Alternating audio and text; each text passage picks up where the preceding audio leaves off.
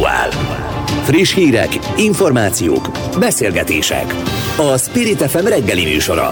Indítsa velünk a napot, hogy képben legyen. A mikrofonnál Szőlősi Györgyi. Május 18-án kedden reggel 7 óra 5 perc van, sőt 7 óra 7 perc van. Köszöntök minden hallgatót, ez itt az Aktuál. Egészen 9 óráig itt leszünk önökkel, tartsanak velünk. A mai Aktuál szerkesztője Vogyerák Anikó.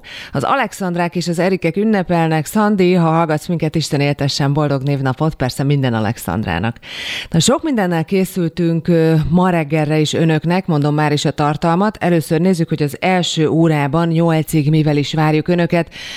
Mindjárt Rég Lajossal, a Jobbik képviselőjével kezdünk. Rég Lajos korábban egészségügyi dolgozó is volt, önkéntesnek is jelentkezett a járvány idején, úgyhogy egészségügy az egyik témánk természetesen. A másik pedig, hogy a parlament a héten dönt a veszélyhelyzet meghosszabbításáról. A Jobbik ingyenes tesztet követel az oltások előtt, tehát több témánk is lesz. Rég Lajossal kezdünk mindjárt. Aztán itt lesz Keresztes László Lóránc, az LNP frakcióvezetője, aki tegnap tartott egy sajtótájékoztatót a Fudan Egyetemmel kapcsolatban, illetve az egyetemi modellváltásról szerinte nem újraindításról, hanem a jövő feléléséről szól a kormánypolitikája. Aztán elengedhetetlennek tartja az adómentes minimálbért és az alacsony fizetések adójának csökkentését az MSP. Szakács László MSP-s képviselő jön majd ide hozzánk a stúdióba, egy törvénymódosító javaslatukat éppen tegnap tárgyalta a gazdasági bizottság. Megkérdezzük, hogy mi történt az ülésem. A lakásmafia kezére juthatnak a szociális bérlakások egy új Fideszes törvénytervezet miatt a Város Mindenkiért aktivistái szerint. Őze Sándort, a Város Mindenki aktivistáját kérdezzük majd erről. Szerinte a javaslat tovább növelni a társadalmi egyenlőtlenségeket. Aztán Erdélyi Rezső Krisztiánnal a Nézőpont Intézet elemzőjével beszélgetünk. Az intézet készített egy felmérést arról, hogy az emberek szerint fontos-e, hogy a miniszterelnök tudjon angolul. Megkérdezem majd, hogy miért volt fontos erről egy kutatás kutatást készíteni, természetesen Karácsony Gergely miatt készítették, aki azóta egyébként bejelentette indulását a miniszterelnök jelöltségre. Aztán Pulai Andrással a Publikus stratégiai igazgatójával is beszélünk majd. Friss kutatások szerint minden negyedik magyar kevesebb pénzből él, mint a járvány előtt. A megkérdezettek az élelmiszer árak emelkedését érzik meg leginkább, vagyis az inflációt nevezik meg ennek okaként. No hát ez lesz az első óra nagyjából, most pedig kezdünk. Spirit FM 92.9 A nagyváros hangja. A vonalban itt van már velünk, ahogy ígértem, Ríg Lajos, a Jobbik képviselője. Jó reggelt kívánok! Jó reggelt kívánok, üdvözlöm a hallgatókat! Aki egyébként mentő ápoló volt, ezt is mondtam az előbb a hallgatóknak, és önkéntesnek is jelentkezett többször is a járvány alatt. Egy ideig azt mondta, hogy nem tartottak erre igényt, végül önkénteskedett valahol? Arról már lemaradtam. Igen, tavalyi évben kezdtem az önkéntes szolgálatomat az országos mentőszolgálatnál, ahol többet, több kivonulásom és tesztelésem is volt, ami folytatódott ebben az évben is. Kórházakban is jelentkeztem intenzív osztályra, hiszen a másik szakmám az anesteziológiai szakatisztás, és azt mindenki tudja, hogy ugye a lélegeztetés az intenzív osztálynak a fő tevékenysége, főleg ebben a Covid időszakban, és nagyon kevés ilyen ápoló volt. Én úgy gondoltam, hogy van még elég szabad időm és kapacitásom arra, hogy az intenzív osztályokon is besegítsek, de sajnos nem tartottak igényt. Volt olyan kórház, aki még vissza se jelzett. Uh-huh. Ugye egy hete volt a Magyar Mentősök napja, és az Országos Mentőszolgálat vezetője azt mondta ez alkalomból, hogy a mentősök megbecsültsége visszakerült oda, ahova szerették volna. Egyet értenek ezzel a volt kollégái, vagy ön? Az erkölcsire, erkölcsi megbecsülése igen, hiszen azt azért láttuk, hogy az elmúlt évben a járvány időszak alatt azért az Országos Mentőszolgálat száz százalék felett, tehát már bátran kimerem jelenteni, 200 százalékon teljesítettek, hiszen nem csak a mentési feladatokat látták el, hanem tesztelési feladatokat is elláttak, ami, hogyha jól tudom, több mint egy millió tesztlevétel volt, én azt gondolom, és, és sőt, azt is látom, hogy a, a, a civil emberek számára, az állampolgárok számára az eddigi mentő dolgozónak a presztise jóval magasabb, mint ezelőtt, mit, mit tudom, egy öt évvel ezelőtt. Az anyagi megbecsülés... Pont ezt akartam kérdezni, hogy a társadalom egészen biztosan elismeri a mentősök munkáját, reméljük, hogy így van, de két hete, ha jól emlékszem, kértek pénzt plusz juttatást a mentősök, arról viszont nem hallottunk, hogy kapnának. Mit tud erről? Igen, tehát az egyik szakszervezet, mentő szakszervezet levélbe kereste meg Kásler miniszter urat, illetve az Országos Mentőszolgálat igazgatóságát, veszélyességi pótlékot szerettek volna, ha jól tudom emelni. Ezt, ezt nem kapták meg. Ez már hogyha jól tudom, egy több éve húzódó dolog, ami járna én azt gondolom a mentőszolgálat és az összes egészségügyi dolgozónak is, hiszen pandémián nélkül is elég veszélyes körülmények között látják el a betegeket. Én azt gondolom, hogy ez a közeljövőben, 22-ben ez megoldandó feladat lesz, hogyha meg akarjuk tartani ezeket a dolgozókat, akik még ebbe a rendszerbe itt maradtak. Hogyan?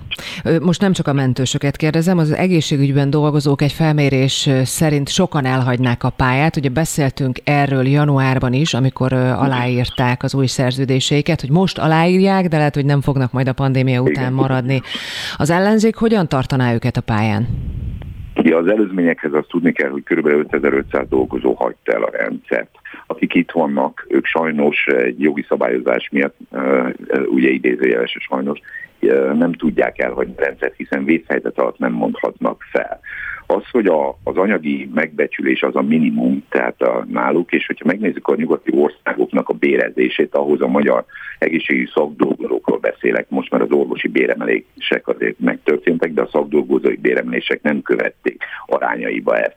Ha megnézzük a, a külföldi, osztrák, német, vagy mondjuk a, a szlovák bérrendszer, jóval magasabb a magyarnál. Első körben a lényeg az, hogy itt tartsuk ebbe a rendszerbe, és ezen, ebbe az országba ezeket a dolgozókat, ahhoz viszont az anyagi megbecsülés kell.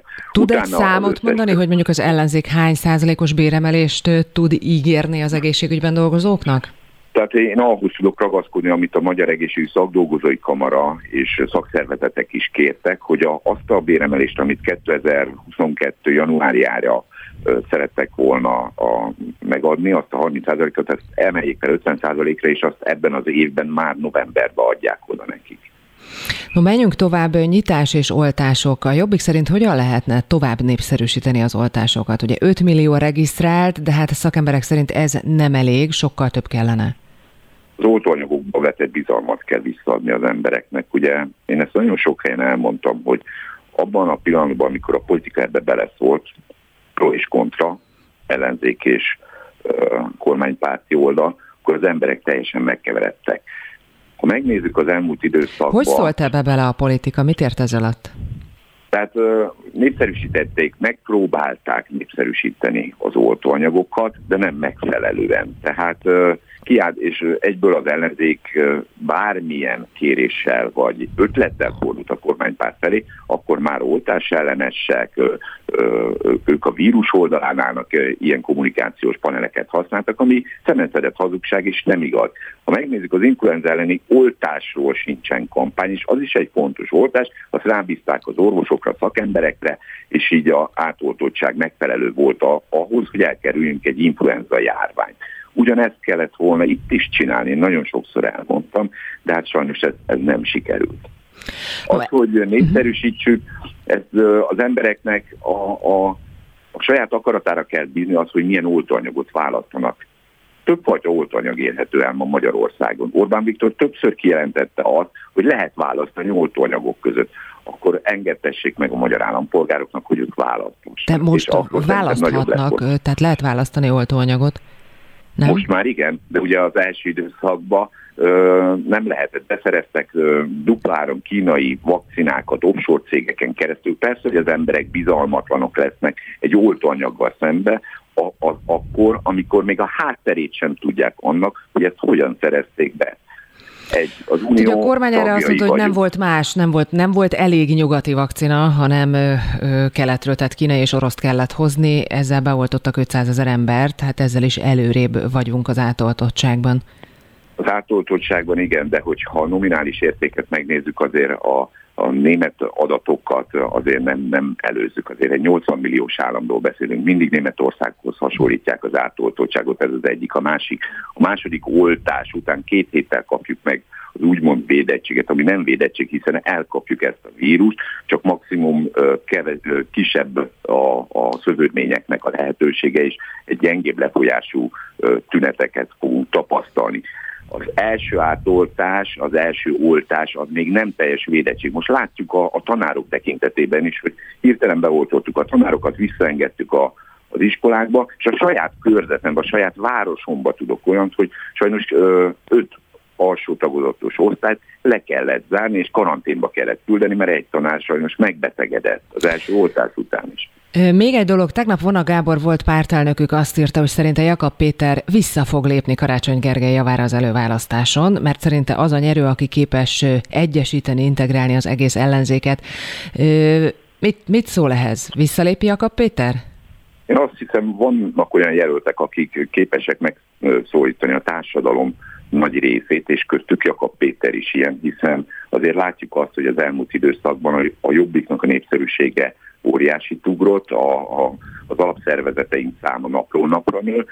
Nem gondolnám, hogy Jakab Péter visszalép. Ő bejelentkezett a, a miniszterelnökségért. Egy versenybe fog ez eldőlni.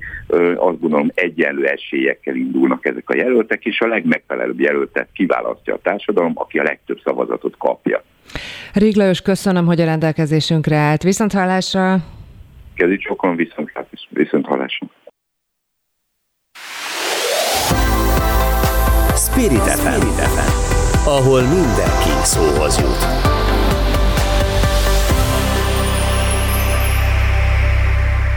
Nem az újraindításról, hanem a jövő feléléséről szól a kormány politikája. Ezt Keresztes László Lóránt mondta a jövő évi költségvetés tervezet kapcsán.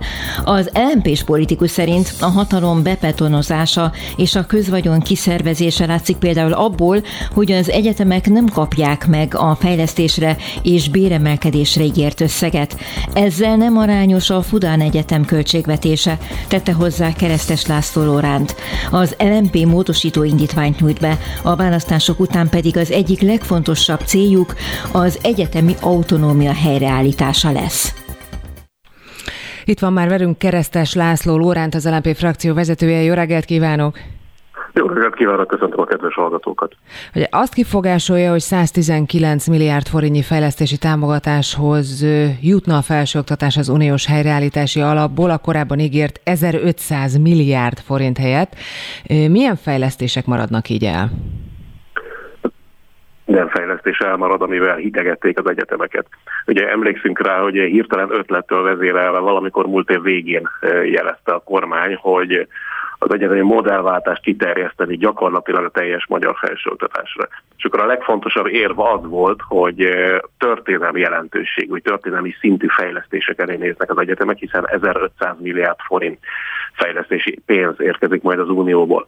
Ugye eleve ez egy nagyon komoly hazugság volt, hiszen pontosan tudja mindenki, hogy semmi köze akár a fejlesztéseknek, illetve az uniós források hatékony elköltésének a, a fenntartó személyéhez, de ugye ez volt a fő indok, és ezzel gyakorlatilag belezsarolták az egyetemeket a folyamatba. Tehát konkrétan egy fideszes politikus el is mondta a szakbizottság ülésén, hogy aki a modellváltásból kimarad, az a fejlesztési forrásokról is lemarad.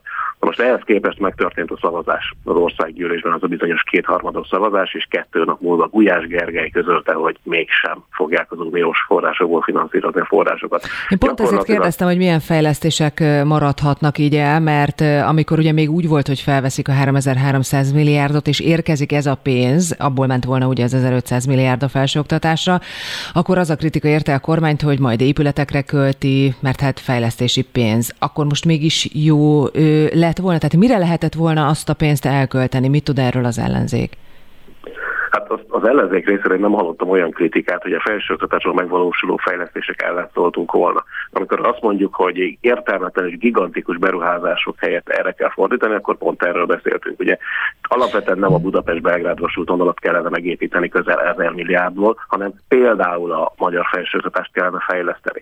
Ugye akkor az a döbbenetes, hogy a beígért fejlesztési forrásokat nem, hogy nem hívják le az uniós lehetőségek alapján, hanem ha megnézzük a jövő évi költségvetés tervezetét, akkor ott sem pótolják. Sőt, még tovább megyek, tehát nem, hogy becsapták az egyetemeket és elvonták, vagy nem adják meg azokat az uniós fejlesztési forrásokat, amiket ígértek, hanem egészen elképesztő megszorításokkal is szembe kell, hogy Még kevesebb pénzt kapnak. Egyébként az előbb nem az ellenzéket idéztem, Pogácsa Zoltánnal beszélgettem egyszer erről, ő mondta azt, hogy hiába jön ide 1500 milliárd, hogyha az épületekbe lesz, vagy épületekre lesz elköltve, de hát tulajdonképpen majdnem mindegy, mert hogy ezek szerint nem jön. Azt mondja Gulyás Gergely, hogy projekt alapon viszont fejlesztésekre lehet majd lehívni ebből a 3300 milliárdból 2023-ig. Ez nem érvő önöknek? Tehát ugye azt mondják, hogy nem akarják tovább növelni az államadóságot, lehet, hogy majd 22 után. Semmiképp nem érv, és én tudok konkrét példákat már, hogy én magam Pécsi vagyok, és a Pécsi Egyetemről már hallottunk olyan példákat, hogy konkrét fejlesztést mondtak le, amiatt már így alakulnak ezek a fejlesztési források. De az a megdöbbentő, hogy az idei évben bőven több mint 500 milliárd van a felsőoktatási sorokon, és ha megnézzük a jövő évi költségvetést, ez körülbelül megfeleződik. Tehát az az egészen elképesztő helyzet állt elő, hogy egyrészt elmaradnak a fejlesztési források, másrészt nem látjuk, hogy miből fognak működni az egyetemek. Hiszen azt tudni kell, hogy ez az úgynevezett modellváltás, vagy a, vagy a modellváltásnak hazudott kiszervezés, az úgy történik meg, hogy továbbra is a magyar adófizetőktől várja a kormány, hogy finanszírozza az egyetemeket. A másik oldalról viszont már egy, akár egy kormányváltás után egy következő miniszternek nem lesz lehetőség ezeket a folyamatokat kontrollálni, hiszen az egyetemeket ötfős kuratóriumok alá szervezték, amelyeknek jelentős része Fideszes többségű. Tehát a döntéshozatalt kiszervezték, ugyanakkor a, a az egyetemek működtetésének a forrásait továbbra is a magyar adófizetőknek kell biztosítani, ugyanakkor a költségvetésben ez egészen elképesztően alacsony összegeket szerepel. Tehát mi úgy látjuk, hogy gyakorlatilag vagyon felélésre kényszerítik az egyetemek. Hogy az ellenzék viszont azt ígéri, hogy ha 2022-ben nyernek, akkor visszafordítják ezt a folyamatot. Keresztes László Lórend, köszönöm, hogy a rendelkezésünkre állt. Viszont hallásra! Köszönöm a lehetőséget! Spirit FM 92.9 A nagyváros hangja Elengedhetetlennek tartja az adómentes minimálbért és az alacsony fizetések adójának csökkentését az MSP. A párt szerint a magyar minimálbér az Európai Unióban az egyik legalacsonyabb. Úgy vélik, hogy éppen ezért el kell törölni a minimálbér 15%-os személy jövedelemadó terhét, és javaslatuk alapján adójóváírásos rendszert kellene bevezetni. Ha a minimálbér esziamentes lenne, az érintettek havi nettója 25.110 forinttal emelkedne.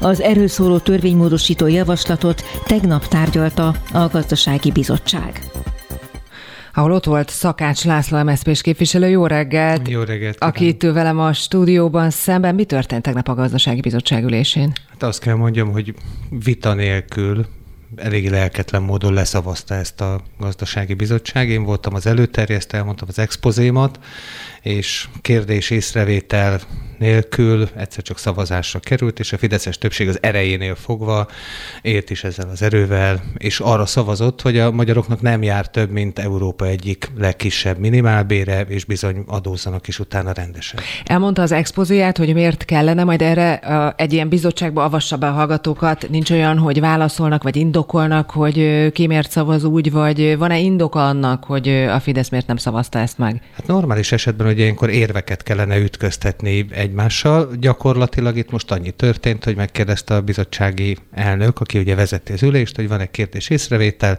nem, akkor szavazunk. Tehát igazság szerint az érveiket nem mondták el.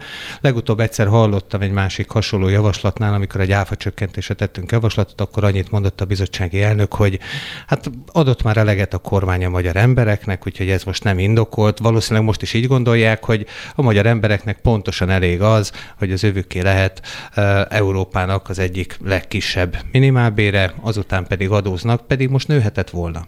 Hogyha adómentes lenne, vagy lehetne a minimálbér, akkor ugye 25 ezer forinttal lenne körülbelül több, egy picit többel. Ezt a programot, vagy ezt a programpontot, az adómentes minimálbér programpontját beleteszi az ellenzék a közös programjában. Benne lesz a közös programban? Természetesen benne lesz, és méghozzá így, ahogy most is szerepel, hogy ez egy adójóváírás formájában van benne, tehát nem lesz benne abba az sávos adórendszerben, hogy így mondjuk, hogy mindenkinek a jövedelme mondjuk a minimálbéres szintig adómentes, hanem csak azoknak lesz adójóváírás, akik kevesebbet keresnek, mint az úgynevezett mediánbér. Ugye ezt is picit meg kell magyarázni, mi nem átlagbérben szoktunk gondolkozni, hanem a mediánbérben, ami ugye mindig a legközépső bér, ez 321 ezer forint, tehát aki ennél kevesebbet keres, 2 millió 300 ezer magyar emberről van szó, ő nekik nőne a bérük a következő De időszakban. Ez azt jelenti az adójóváírás, hogy havonta írják jóvá, vagy egy évben egyszer írják jóvá, ez hogy néz neki havonta, gyakorlatban? Természetesen havonta. havonta, nettóban mindenki többet keresne, aki minimálbért keres 25 ezer forinttal, aki szakmunkás minimálbért keres, tehát a garantált bérminimumot keresi, ő kb. 15-18 ezer forinttal keresne többet. No, menjünk tovább. Volt egy másik programpont is tegnap a gazdasági bizottságban. Börösz László Fideszes képviselő javaslatát is tárgyalták a bérlakások megvásárlásának lehetőségéről. Ugye ő erről nyújtott be törvényjavaslatot a múlt héten. Amennyit tudunk a legfrissebb hírek szerint, hogy elfogadták ezt a javaslatot. Jól tudjuk, mi történt? Elfogadták, itt már nem volt annyira egységes egyébként a Fidesz, itt már ketten kiszavaztak, ők tartózkodtak ennél a javaslatnál. Ki szavazott ki? Kik vannak a gazdasági bizottságban? A Vicman Mihály és a Szatmári Kristóf volt az, aki tartózkodott ennél a szavazásnál. Ez arról szól, hogy kedvezményesen a bérlő megveheti ezeket az ingatlanokat. Ez nagyon sok önkormányzatban most is így van, régebben is így volt, viszont ezt nagyon nehéz kordában tartani, hogy ne a nyerészkedők jussanak hozzá a lakásokhoz. És ezt elmondtam ott a bizottság ülésen is, hogy sajnos a helyzet az úgy adódik ilyenkor, hogy jön egy pénzes ember, megtalálja azt, aki bajban van, tartozik a lakbérrel, tartozik a közművekkel, vagy a közműdíjakkal, elviszi, kézen fogja, kifizeti a tartozásait, és még így is megéri neki nagyjából féláron megvásárolni egy lakást, ilyen nagy kedvezmények mellett, tehát nem azokat fogja lakáshoz juttatni ezzel a javaslattal Böröc László, nem is ő írta egyébként ezt a javaslatot, ezt mind tudjuk, hanem... Ki írta ezt a javaslatot? Hát valószínűleg a kormányzati háttér szereplők írják. Én nem hiszem el, hogy Böröc László az, aki egy esős szombat délután végig gondolta az önkormányzatoknak a lakásgazdálkodási helyzetét, és úgy gondolta, hogy ebbe új szabályok kellenek, és otthon leült és írt egy ilyen javaslatot.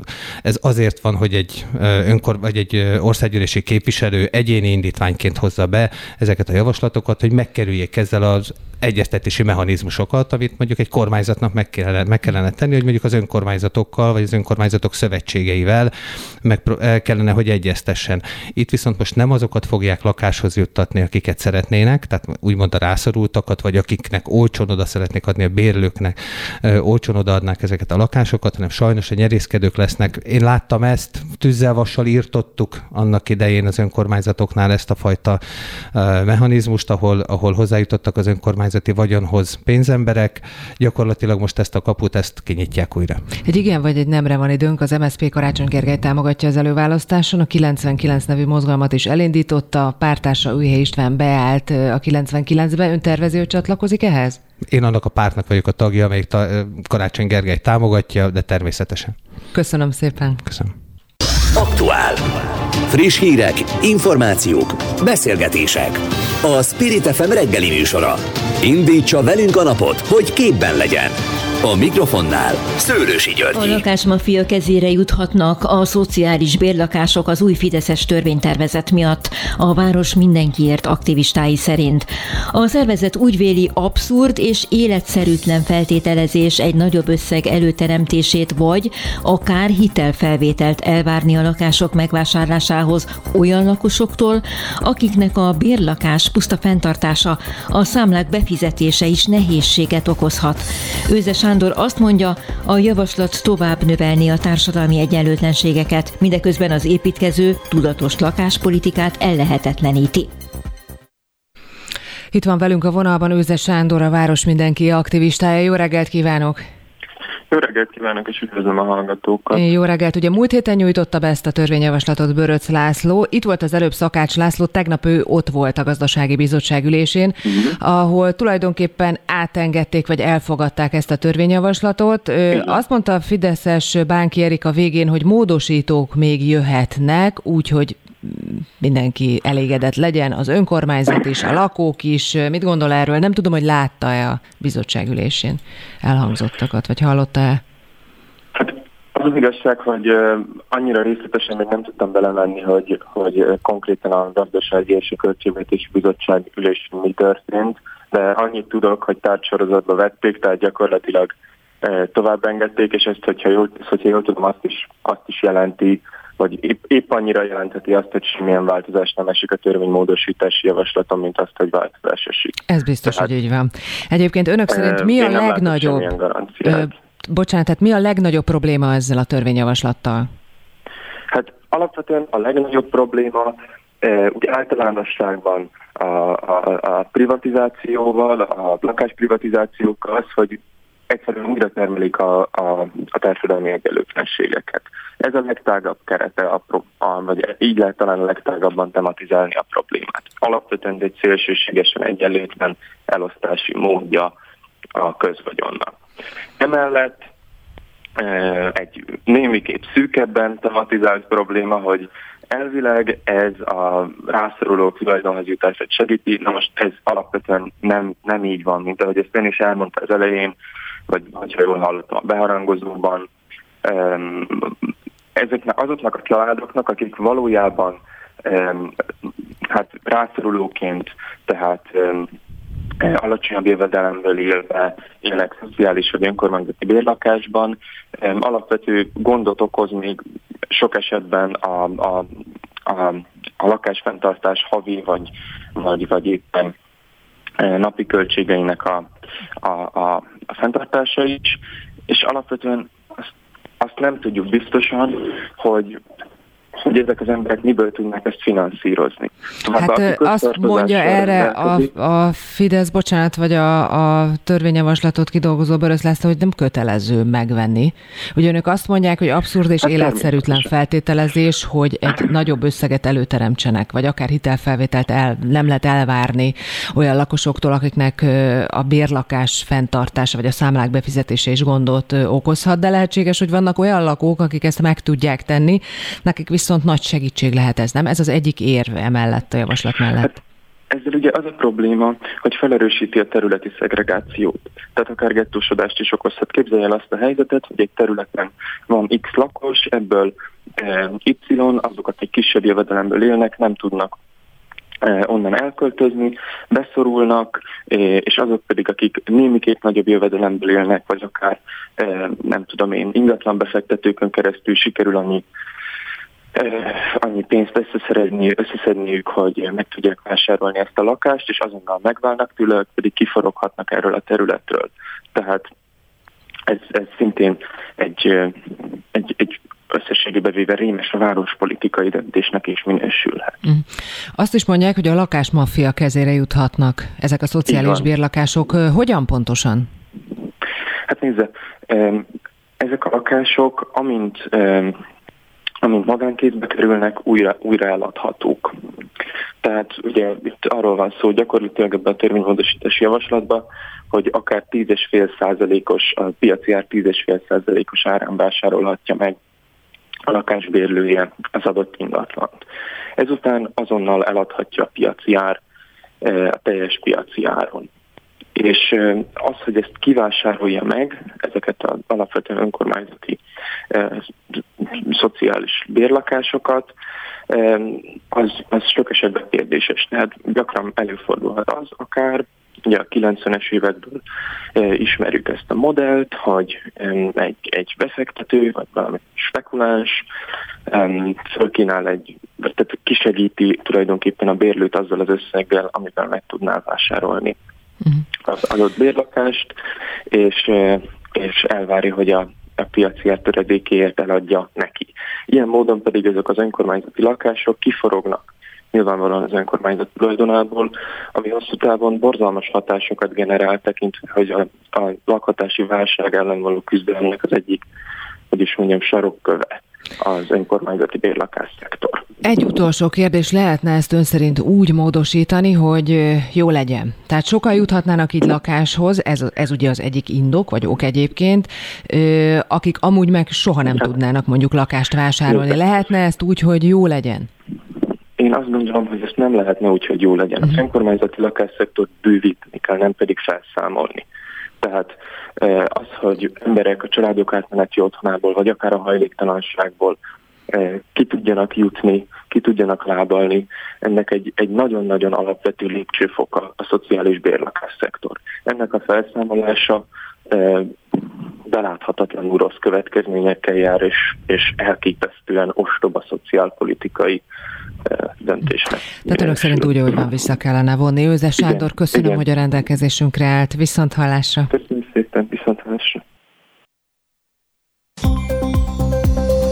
Aktuális közlekedési helyzetkép a fővárosból, a BKK Info szakemberétől, a Spirit FM reggeli műsorában. Csúcsidő. Hát ma reggel már sokkal biztatóbb az időjárás a tegnapinál, ez reméljük a közlekedésben is megmutatkozik. Kapcsoljuk a BKK ügyeletesét, Tóth Zsuzsannát. Szervusz, Zsuzsanna, megmutatkozik jobb a közlekedés a városban? Jó reggelt kívánok, köszöntöm a hallgatókat. Igen, úgy gondolom, hogy így eső nélkül azért sokkal csendesebb a város, de hát azért még mindig reggeli csúcsforgalom van, úgyhogy igazából tényleg arról tudok beszámolni, hogy telítettek a budapesti utak, illetve balesetek is vannak. Mondjam, hogy hol? Mondi, én annyit látok, hogy van három nagyobb baleset a városban, hol vannak ezek? Igen, igen, tart a helyszínelés az M3-as autópálya bevezető szakaszán a Szent Mihály út után a belső sávban, így az M0-as autóúton már lépésben halad a forgalom. Baleset nehezíti a közlekedés Zuglóban is a Róna utcában, a Tököli út közelében az M3-as autópálya felé, illetve baleset miatt a Kőbányai úton befelé a Könyves Kálmán körút előtti szakaszon is sávlezárásra kell készülni.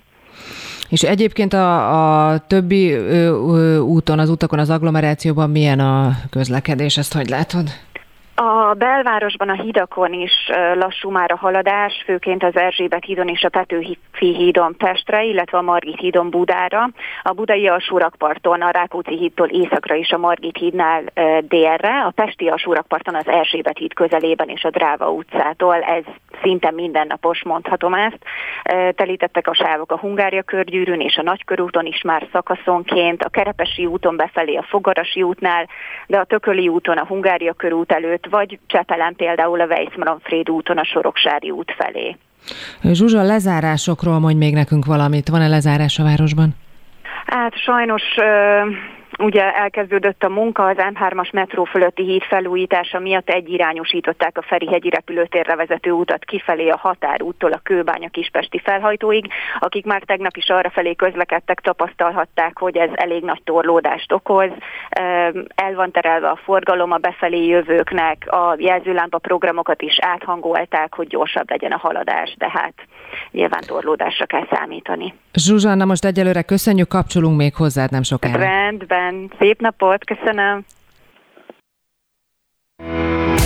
Spirit FM 92.9 A nagyváros hangja.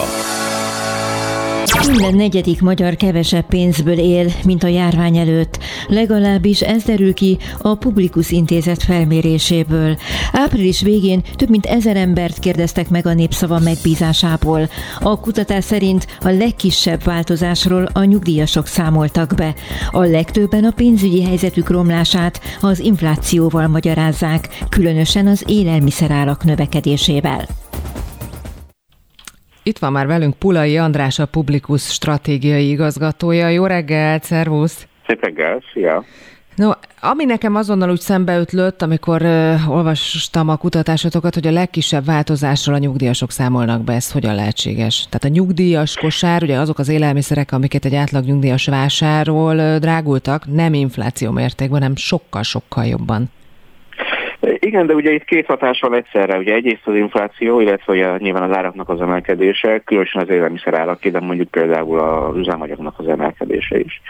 E, másrésztről pedig a, a kiesett munkaidő és a kiesett munkahelyek, és a, nyilván ez utóbbi az nem érinti a nyugdíjasokat, mert hát ugye azért a túlnyomó többségüknek nincsen e, munkahelye, míg a fiatal korosztályt az nagyon durván érinti, bizony vannak olyan szegmensek, vannak olyan szektorok, amelyek lényegében teljesen megszűntek, és nyilván az, az nyomot hagy. E, tehát azért is más ennek a válságnak a hatása, mint a korábbiaké, mert egyszerűen máshol támad. Ezért írjátok, hogy emberi tragédiák tömegét rejtik ezek a számok, amik most nálatok jöttek, mert igaz, hogy az inflációval magyarázzák az anyagi helyzetük romlását a legtöbben, de hát azért van ott más is. Mit mutattak még a számok? Így van, hát ebben szerintem nagyon durva tra- tragédia van, és ugye az, hogyha mondjuk két és fél millió ember azt mondja, hogy rosszabbul él, mint ahogy az elmúlt időszakban élt, azért az, az nagyon sok mindent eltakar. Tehát, hogy abban, abban van nagyon sok nagyon szörnyű dolog, amit még nem is látunk és nem is érzünk, és lehet, hogy ez majd csak későbbiekben fog a felszíre kerülni. Hogy ez pontosan mit akar, ugye ahogy már említetted is, az embereknek a kétharmada mondta azt, hogy bizony azért érzi azt, hogy rosszabbul él, mert ugye magasabbak lettek az árak, különösen az élelmiszeré, de ugye, ahogy említettem, a, a, az üzemanyag is nagyon, nagyon keményen megdrágult. És összesen az embereknek nagyjából az egyharmada mondta azt, hogy azért él rosszabbul, mert, mert valami gond van a munkahelyével. Ugye itt három négy típusú ilyen válaszlehetőség volt. Az egyik az az, hogy a munkahely nem működik, vagy csökkentek a, a kevesebb fizetést kap, vagy egyáltalán nem kap fizetést. E, van egy olyan, hogy valamelyik családtagja vesztette el a munkáját, van egy, hogy ő maga vesztette el a munkáját, e, és ugye a betegség miatt nem tud dolgozni, ugye ez végül is a munkánk egyfajta indirekt elvesztése. E, és ez, ezeket mindig 17-16-15 százalék említette, de ugye ez kumulálódik, nem lehet összeadni, ez kumulálódik, és akkor kijön egy kicsivel több, mint egy harmad. A, Illetve van egy 5 az, bocsánat, aki, azt mondod, hogy 17 százalék felelte azt, hogyha jól értettem, hogy a járvány kitörése óta nem működik a munkahelye. Most vagy elvesztette, vagy, vagy, vagy, vagy nem tudom, hogy pontosan mit jelent ez, tehát lehet, hogy megmaradt neki, csak hát megmaradt, átmenetileg csak, csak nincs. Nem fizetést, vagy kevesebb fizetést kap. Vagy kevesebb fizetést kap, vagy részmunkaidős. Ez mit jelent? Hány embert? Azt néztétek? Vagy ugye a százalékokat mondtad, de azt nekünk nehéz, nehéz lefordítani, hogy ez hány embert jelenthet? Hát ez több mint egy millió embert. Uh-huh. Több mint egy millió embert jelent, és ugye, ugye nekik ez már, ez már nagyon régóta tart. Tehát ugye akkor, mikor mondjuk valakinek elveszik a munkája, és mondjuk egy-két hónapig nincsen, és talál magának a munkát, akkor, amikor mondjuk éppen jól megy a gazdaságnak, akkor ezt nyilván persze megérzik az emberek, de máshogy érzik meg, mint hogyha mondjuk egy éve van egy ilyen bizonytalanságban torkoló helyzet, hogy hát van munkám, de hogy nem biztos, hogy ebben a hónapban kapok fizetést, el tudnék menni, de az egész szektorban dolgoztam, az, az, az becsődölt, akkor most már elmenjek az építőiparba, ami azért még valamennyire tartja magát. Szóval, hogy, hogy, ez, hogy ez nyilván anyagilag is rettentő megterhelő, hogyha mondjuk ez fél évig, akadt esetben egy évig is elhúzódik egy ilyen helyzet, de hát persze természetesen mentálisan is. Uh-huh. És ezek, ezek, ezek együttese az, ami az, az adott helyzetet előállítja. No, menjünk tovább, mert volt egy másik kutatásatok is, majd arról is szeretnének kérdezni, de még egy, egy adatom megakadt a, a szemem, hogy a nem, az a nemekkel kapcsolatos. Azt mondjátok, hogy a nők sokkal kevésbé szégyellik a helyzetüket, mint a férfiak. Ezt hogyan vizsgáltátok? Megkérdeztük, hogy milyen segítséget vesznek igénybe, milyen külső segítséget vesznek igénybe. Erre rákérdeztük, hogy igénybe vesznek egy külső segítséget. És ugye 12% mondta azt, hogy valamiféle külső segítséget vett igénybe, külső segítséget tágabb család, formális hitel, gyors hitel, stb. stb. És a nők, annak a 17%-a mondta, hogy igénybe vettem segítséget, a férfiaknak pedig csak az 5%. Uh-huh. Um, tehát, hogy ugye, és ugye így jön ki a 15%-os átlag, és a 12%-os átlag, tehát ugye az azt jelenti, hogy, hogy a, a, a külső probléma megoldás irányába azok sokkal nyitottabbnak szűnnek jelen pillanatban a nők, mint a férfiak, el is mutatja egyébként a problémának a, a, a mentális jellegét, ugye tudjuk, hogy azért általában a nők nyitottabbak az ilyen dolgok irányába, és hát Lásd, most is kért, hogy markánsan nyitottam. Uh-huh. No, a másik felmérés, amit említettem, hogy a napokban készítettétek a Fudan Egyetemről, ami azt mutatta, hogy ha a többségem múlna, nem épülne meg a Fudan Egyetem Budapesten. Egyrészt hogy néznek ki Igen. a számok, másrészt pedig azt is írjátok, hogy nagyon szokatlan módon ennek a beruházásnak a megítélése nem egységes a Fidesz szavazók körében. Így van, a Fidesz szavazókat ez a kérdés teljesen megosztja. Hogyha azt kérdezzük, hogy hogyha lenne egy népszavazás, ugye, amit tervezett a 9. kerület polgármester asszonya a Fudánnal kapcsolatban, akkor miként szavazna, ugye ezt Budapesten kérdeztük, akkor a Fidesz szavazóknak a 45%-a szavazna úgy, hogy épüljön meg a Fudán a tervezett diákváros, a tervezett helyen az a diákváros helyén, 40%-a mondja azt, hogy ne épüljön meg, és 15% nem tudja és nem válaszol. Uh, ugye még az ellenzéki szavazóknak a 93%-a mondja azt, hogy ne épüljön meg, és csak 6%-a mondja azt, hogy épüljön meg az eredeti helyén. Uh, hát ugye van egy nagyon erős politikai törésvonal, de a Fidesz, Fideszen belül is van egy nagyon erős politikai törésvonal, mert nagyjából 50-50 az aránya a Fidesz szavazón belül is az épüljön, meg ne épüljön meg, úgy, hogy ugye, hogyha ezt teljes budapesti lakosság levetítjük, akkor 80 százalék, 79 százalék mondja azt, hogy, hogy ne épüljön meg, és a 14 százalék mondja azt, hogy épüljön meg. Tehát amikor Karácsony Gergely ugye arról beszélt a tegnapi egyenes beszédben is, hogy ez, hogy ez nagy kárt okoz a kormánynak, akkor azt gondolom, hogy ezekre a számokra is gondolhatott. Uh-huh. Ha már Karácsony Gergelyt említetted, ugye bejelentette a hétvégén az indulását, és egy új mozgalmat is alapított. Összességében hogy látod, hogyan sikerült az egész bejelentés? Ugye több etapban történt ez meg. Hát igen, az egy, mondjam, kihasználta a 21. századot a technikai lehetőségeket, és beutazta a fél országot, és az érdeklődőket egy napon keresztül, vagy érdeklődnek a figyelmét egy napon keresztül lekötött. Szerintem ez egy, ez egy érdekes és, és izgalmas húzás volt. Az pedig, hogy hogyan sikerült, abban szerintem leginkább azok beszélnek, akik ugye abban ehhez a mozgalomhoz csatlakoztak, és a saját elmondása szerint ugye tegnap estig vagy délután 15 ezeren csatlakoztak, ami hát mondjuk azt, hogy egy, hogy egy nagyobb magyarországi párt támogatói bázisával ér fel, vagy tagbázisával ér fel. Na, ha már ezt mondod, akkor, itt a, akkor egy picit itt vissza is veszem a szót, vagy közbe kérdezek, mit szólsz ahhoz, hogy új pártot akar ezzel majd alapítani Karácsony Gergely? A Népszava írt erről egyébként, megkérdeztek szocialista dékás politikusokat is, akik hát cáfolni nem cáfolták, név nélkül nyilatkoztak alapnak. Hát szerintem, hogyha ez, hogyha ez így bejön és működik, és a, a támogatók pártagókká konvertálhatóak, akkor szerintem ennek, ennek lehet jogosultsága, de csak hosszú távon, hiszen ugye a parlamentben a mostani pártok indulnak, tehát a mostani pártok fognak bekerülni, hiszen a mostani választáson a mostani pártok indulnak. Tehát ez szerintem arra lehet jó, és arra lehet használni, hogy a mostani széttövezett pártrendszer konszolidálja a karácsonyi illetve azok a pártok és azok a politikusok, akik eh, ebben mögötte állnak.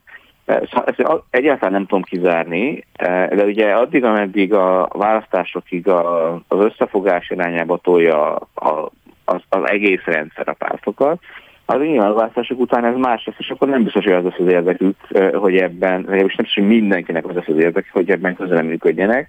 Um, és lehet, hogy Karácsony Gergelynek sem az lesz az érdeke, de az biztos, hogy az érdeke lesz, hogy legyen neki egy saját legitimációs bázisa, egy saját uh, uh, politikai szervezete, hiszen nem támaszkodhat kizárólag erre a hat pártra, amelyik őt most támogatja a törekvéseiben, hogyha úgy alakul, hogy ő nyeri meg az előválasztást, mert hát az nagyon kiteszi, nagyon kiteszi az ő tevékenységét ennek a, ennek a hat pártnak, illetve ennek a hat pártnak a politikusjának, és ezt kell neki csökkenteni, ezt a kitettséget kell neki csökkenteni. Hogyha sikerül ezt egy, egy pártá formálással, és mondjuk a pártok behúzásával ebbe az öltönetbe, akkor az akkor azt szerintem hosszú évtizedekre megalapozhatja az ő politikáját, és abban akár több ciklus is benne lehet, hogyha nem, akkor se lehet ezt kizárni, de nyilván akkor, akkor az más lesz a móka, a móka az elkövetkező időszakban. Még egy dolog, az ellenzéki előválasztáson el tudsz-e még képzelni visszalépéseket? Tegnap Vona Gábor azt írta, hogy szerinte Jakab Péter vissza fog lépni Karácsony Gergely vár az előválasztáson, mert ő az egyetlen, aki képes integrálni az ellenzéki szavazókat. Hát én sok mindent el tudok képzelni. Ugye még jelen pillanatban az sem teljesen egyértelmű, hogy mondjuk Márkizai Péter hogyan fog indulni az előválasztáson, ugye, mert úgy tudnak indulni a jelöltek, hogy, valami, hogy vállalják, hogy valamelyik pártnak a jelöltjei lesznek, és uh, ugye az például még nyilván az összes többi événél egyértelmű, hiszen neki megvannak, mindegyiknek megvannak a jelölő pártjai. Uh, ugye Márkizaj Péternek még nincsenek. És ugye Én ezt megkérdeztem tőle múlt héten az egyenes beszédben, azt mondta, hogy majd el, fog, el fogja dönteni. Na, szóval András, a lényeg, hogy mindent el tud képzelni. Köszönöm, hogy a rendelkezésünkre álltál, lejárt az időnk, úgyhogy el kell köszönjek tőled. Köszönöm szépen, szép napot neked, viszont hallásra. Köszönöm, köszönöm, sziasztok. Spirit FM 92.9 A nagyváros hangja Egy egészen friss hírrel megyünk tovább. Döntöttek a ballagásról és a pótérettségikről is. A telefonvonalban itt van velünk Tóth Viktor, a Szent László Gimnázium tanára, a PDS Kelet-Magyarországi Választmányának ügyvivője. Jó reggelt kívánunk, és köszönöm, hogy a rendelkezésünkre állt ilyen gyorsan, ilyen frissen lecsaptunk el a kollégákkal erre a friss hírre. No, mit, mit szól a hírhez? Jó reggelt kívánok! Hát annyira friss, hogy én is csak egy pár perce olvastam éppen el a cikket erről.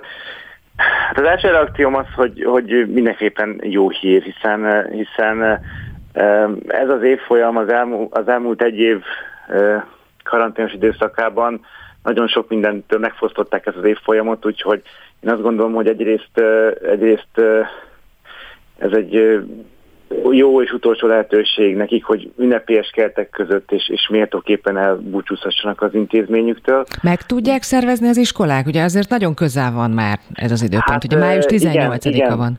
Ez, ez igaz, hogy későn, elég későn érkezett ez a, ez a bejelentés. Én csak a magunk nevére tudok beszélni, mi szerencsére készültünk erre, azt tudom mondani, tehát mi június végére kitűztünk egy időpontot, és vártuk, vártuk, hogy milyen rendelkezés, milyen előírások lesznek ezzel kapcsolatban. Én, igen, ez intézménytől függ, le, le, szerintem megrendezhető, tehát még lehet ezzel számolni. Azzal egyetértenek-e, ugye azt mondta, hogy ön is most olvasta a hír, tulajdonképpen igen, én is igen. itt van előttem a hír, most olvasom. A ballagáson a meghívottak életkortól, a koronavírus elleni védettségtől függetlenül részt vehetnek. Annyi a megkötés, hogy a zárt, tehát a zárt területeken, az iskola zárt részeiben nem tartózkodhatnak. Ez ez mennyire aggályos önök szerint? Ugye mindenhova kérik a védettségi ö, igazolványt, akkor ezek szerint ide, ide nem kell.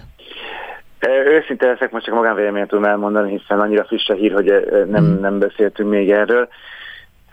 Ez is két, két élő dolog szerintem, hiszen az igazolványal kapcsolatban elég, elég nagy káosz van. Tehát a maga az igazolvány nem tudom mit, mit, mit bizonyít, vagy miről ad biztosítékot. Főleg azokkal kapcsolatban, akik ugye nem az oltás igazolják, hanem azt, hogy megfertőzöttek, vagy tehát hogy átestek a, a víruson. Igen, és hogyha jól olvasom, jól olvastam, jól emlékszem, akkor ez azt jelenti, hogy az átéve nem lehet bemenni. Tehát én azt gondolom, hogy a megfelelő intézkedések mellett ugye azért sokszor hangsúlyoztuk, hogy a legfontosabb az a maszk és a távolságtartás,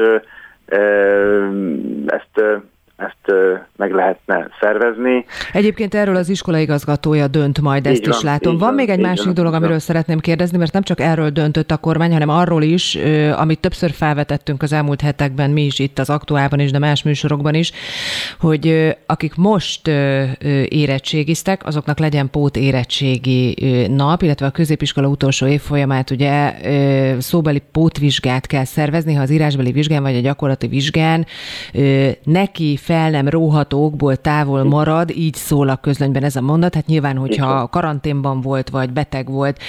Mit szólnak ehhez? Sok diákot érinthet ez? Én azt gondolom, hogy a tavalyi felmérés szerint, hát nincsenek számaink, ugye ezzel mindig küzdködünk, hogy nem kapunk pontos adatokat, úgy, mint PDS az a kormánytól. Tavaly is azt hiszem, hogy azért több ezer rúgott annak a diáknak a száma kielesett a, attól a lehetőségtől, hogy a felsőtási tanulmányait még ősszel tovább tudja ö, folytatni. Úgyhogy én azt gondolom, mindenképpen ez egy nagyon jó hír, mert tavaly a lehetőség nem volt, ö, most akkor van, van lehetőség, hogy akár ö, milyen nehezítő körülmény miatt, aki távol maradt, az, az, az pótolhassa ezt, és még ősszel tovább tanulási, a tanulmányait tovább folytatása még ősszel. Hogy ez most érkezett, ez a bejelentés, ez egy kicsit megint szervezés szempontjából valószínűleg nem lesz könnyű ezt lebonyolítani. Hát úgy, valahogy a, a diákokat diák, értesíteni igen, kell, bocsánat, igen, hogy, igen. hogy közbevágok, mert lejárt az időnk, és meg kell köszönöm, igen. hogy itt volt velünk. A lényeg az, hogy minden végzős diáknak május 28-án 16 óráig elektronikus úton igen, igen, ez, levelet ez kell küldeni az igazgatónak. Ez nehéz, hogy a diákok erre most reagáljanak, ez jó lett volna, hogy az a lehetőség előbb, előbb kiderül. Mindenféleképpen így van.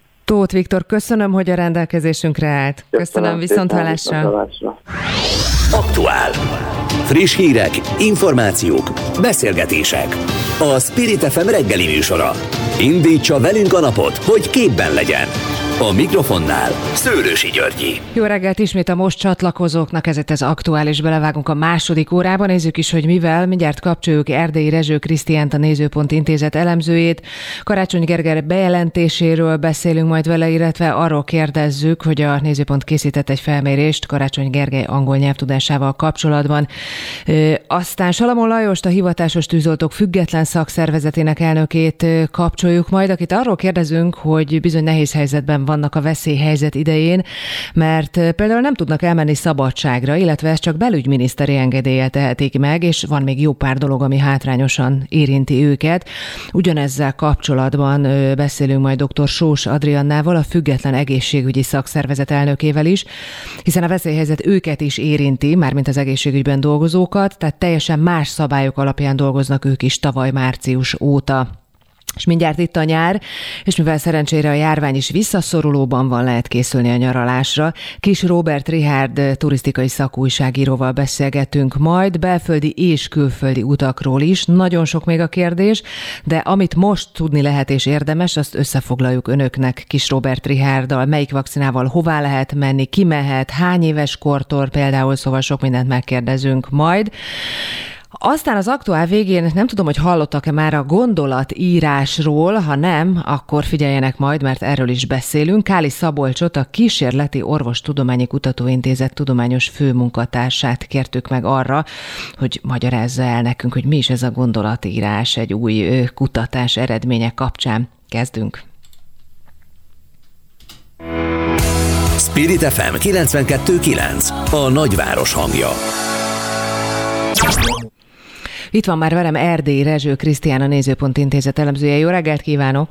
Jó reggelt kívánok, és köszöntöm a kedves hallgatókat! Ugye a felmérésük alapján a magyarok többsége elvárja a miniszterelnöktől, hogy tudjon angolul, ez lett a kutatások egyik eredménye.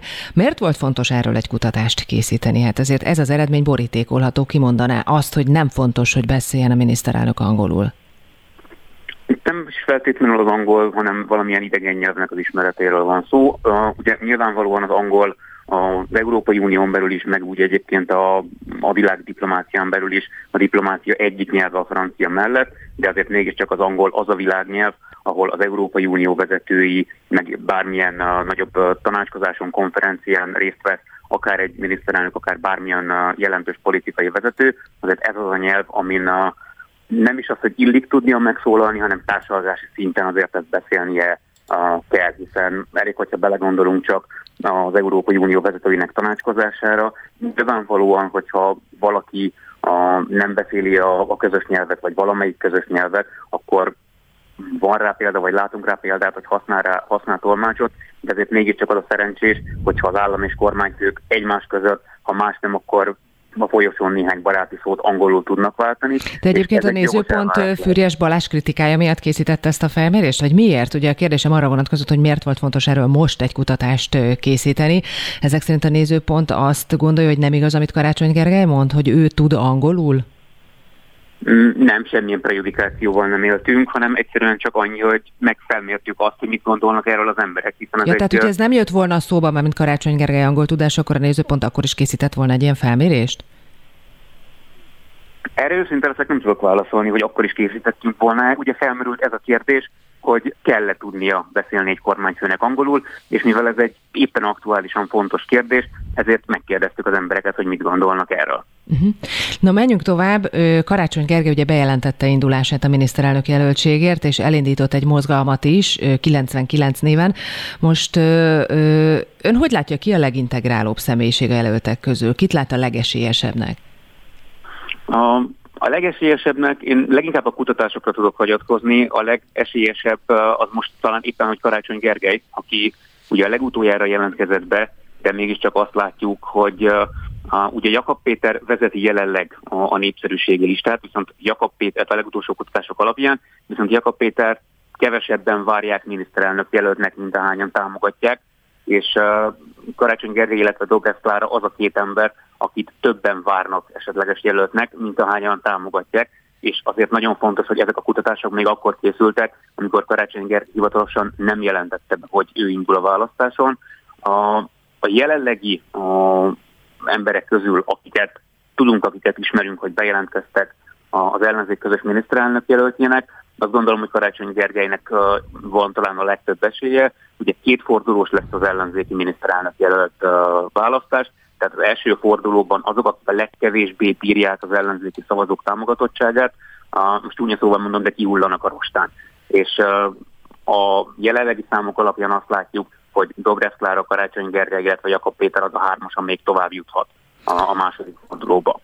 Ugye azt mondják a nézőpont, vagy Brázágoston Sámuel, hogy Gyurcsány Ferenc mozgatja a szálakat, és az lesz, amit ő akar. Azt értem, hogy miért mondják ezt, de nem gondolják, hogy ez már nem így van? Alapvetően én itt ketté választanám a, a kérdést, és ugye valóban nagyon fontos a miniszterelnök előtt jelölteknek a személye, viszont van egy másik nagyon fontos része az előválasztásnak, amiről kevesebbet beszélünk, és ez pedig az egyéni országgyűlési képviselőjelölteknek a, az előválasztása, ami ugye egyfordulós, tehát hogy ott még inkább relatív többséggel is lehet nyerni, meg lehet nyerni a képviselőjelöltséget, és elég ránézni pusztán a számokra, ott ugye látjuk azt, hogy a demokratikus koalíciónak van a legtöbb jelöltje, őket követi a Momentum, és messze-messze leszakadva mindenki más. Tehát valóban nagyon fontos az, hogy ki lesz a miniszterelnök jelölt, jelöltje az ellenzéknek. Uh, ugye a két, vagy a három leg a esélyesek közül egyik őjük, ugye Gyurcsány Ferenc felesége Dobrev Klára, a másik újjuk pedig tanácsadója volt éveken keresztül, tehát nem túlzás azt állítani, hogy mind a két emberrel jó nexusban van az De nem azt állítják, hogy jó nexusban van, hanem azt állítják, hogy ez egy színjáték, mármint maga az előválasztás, és Gyurcsány Ferenc eldöntött mindent. Én meg azért kezdem, hogy miért gondolja ezt a nézőpont. Például, hogyha a DK múlt volna, akkor nem lett volna az előválasztáson online szavazási lehetőség is. A Momentum akarta, a Demokratikus Koalíció nem akarta. Miért nem mondják, Nyilván. hogy a Momentum mozgatja itt a szálakat?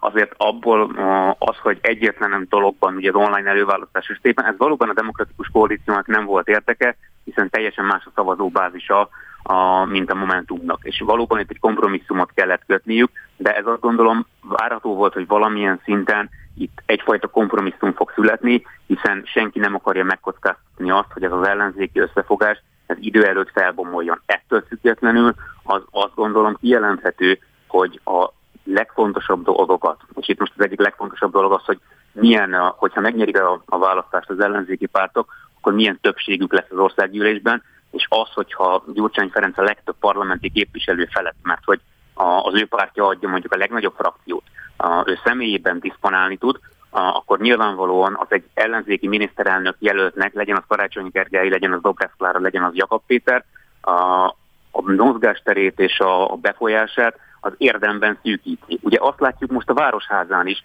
hogy Karácsony Gergely a főpolgármester, viszont a legnagyobb frakciót a demokratikus koalíció adja, tehát valójában semmilyen olyan döntést nem lehet hozni, a, amire ők nem mondják rá az igent, amire ők nem bólintanak rá. Tehát Gyurcsány Ferenc pártját a fővárosi városházan sem lehet megkerülni jelenleg.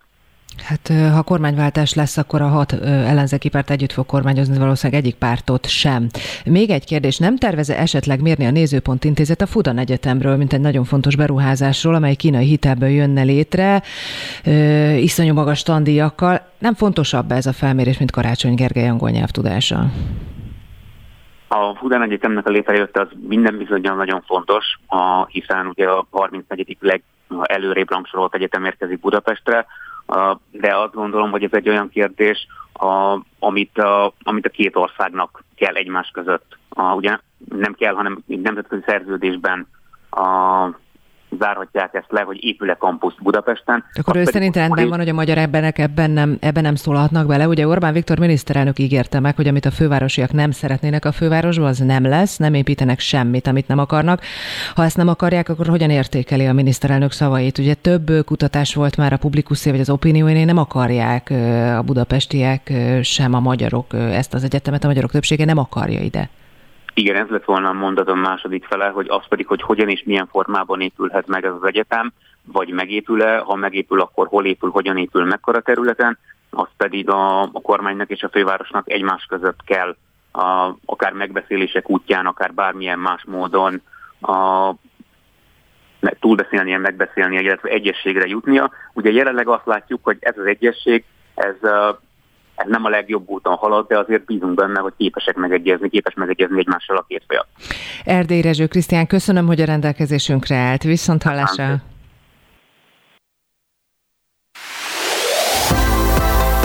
Spirit FM, ahol mindenki szóhoz jut.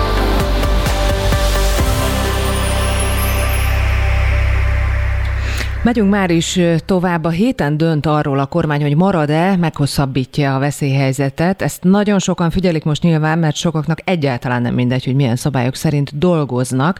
Veszélyhelyzetben teljesen más szabályok vonatkoznak, például a tűzoltókra. Itt van velünk a vonalban Salamon Lajos, a hivatásos tűzoltók független szakszervezetének elnöke. Jó reggelt kívánok! Jó reggelt kívánok, üdvözlöm a hallgatókat! No, mik a legfontosabb szabályok, amiket én említettem, amik a veszélyhelyzetben eddig és még most is a tűzoltókra vonatkoznak, és egyébként az egészségügyben dolgozókra is? Hát igen, itt a veszélyhelyzet alatt hozott döntések nem csak a rendvédelemben dolgozókat, hanem mondjuk úgy, hogy a, az egészségügytől elkezdve azért, azért nagyon sok mindenkit érintenek. Itt az első és legfontosabb nálunk az, hogy ez alatt az időszak alatt nem lehet leszerelni ami azért egy kicsit kényes dolog, mert ha valaki mondjuk most kap egy olyan lehetőséget, amin, amin újra, tudnak, újra tudnak kezdeni az életét, vagy át tudná szervezni az életét, akkor most erre nagyon-nagyon kis lehetősége van. Bár a rendőr kollégáknál már elindult egy folyamat ezzel kapcsolatosan is, tehát a magyar ember egy mindig megtalálja azokat a kiskapukat, amikkel azért, azért el lehet érni azokat a célokat, amiket ők egyénileg szeretnének. Itt ez pontosan arról szól, hogy belépnek valamelyik pártba, és abban a pillanatban, hogyha pártagok, akkor már nem lehetnek a testületnek a tagjai. Sok ilyenről tud a rendőrségen belül? Uh, azt, azt én most így nem merném mondani, hogy sokat, de vannak információnk a rendőr kollégáktól arról, hogy ez, ez, ez, ez a folyamat ez, ez megindult. Egyébként sok tűzoltó szerelne le? Ugye azt, azt mondta, hogy nem tudnak leszerelni, hogyha esetleg más karrierbe kezdenének, vagy elhagynák a pályát. A tűzoltókról biztosan tud beszélni, mint szakszervezeti elnök. Sokan szeretnék ott hagyni ezt a pályát? Ez is egy érdekes dolog, mert nagyon sok kollégával beszélgettünk az elmúlt időszakban, hívnak telefonon és kérdezik, hogy lesz-e valamilyen változás, mert ha nem, akkor ők leszerelnek, és, és amint vége lesz ennek a rendszernek, akkor ennek a veszélyhelyzetnek, akkor, akkor veszik a kalapjukat és továbbállnak. Azért az látszik, hogy, hogy rettenetesen sok minden hiányzik most ebből a, a, a rendvédelmi rendszerből. Az első és a legfontosabb a bér.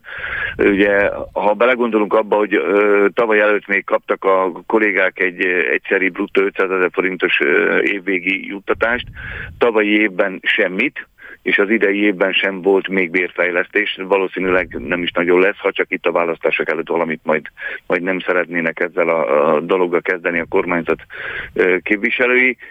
Gyakorlatilag nagyon hiányzik a, a szolgálati nyugdíj, amit kivezettek ugye ebből a rendszerből, azért látszik, hogy az állomány kezd elő, előregedni, a korfa egyre növekszik, és itt azért jelen pillanatban is már vannak ilyen jellegű problémáink, de ez igazából egy, egy 5 év múlva, 5-6-7 év múlva kezd majd kicsúcsosodni, amikor majd a, a jelenlegi állomány egyszerre fog úgy megöregedni, hogy egyre több lesz a táppénz, egyre több lesz a, az, a, az a személy, aki mondjuk fizikai és vagy akár pszichológiai gondok miatt el kell, hogy hagyja majd ezt a területet.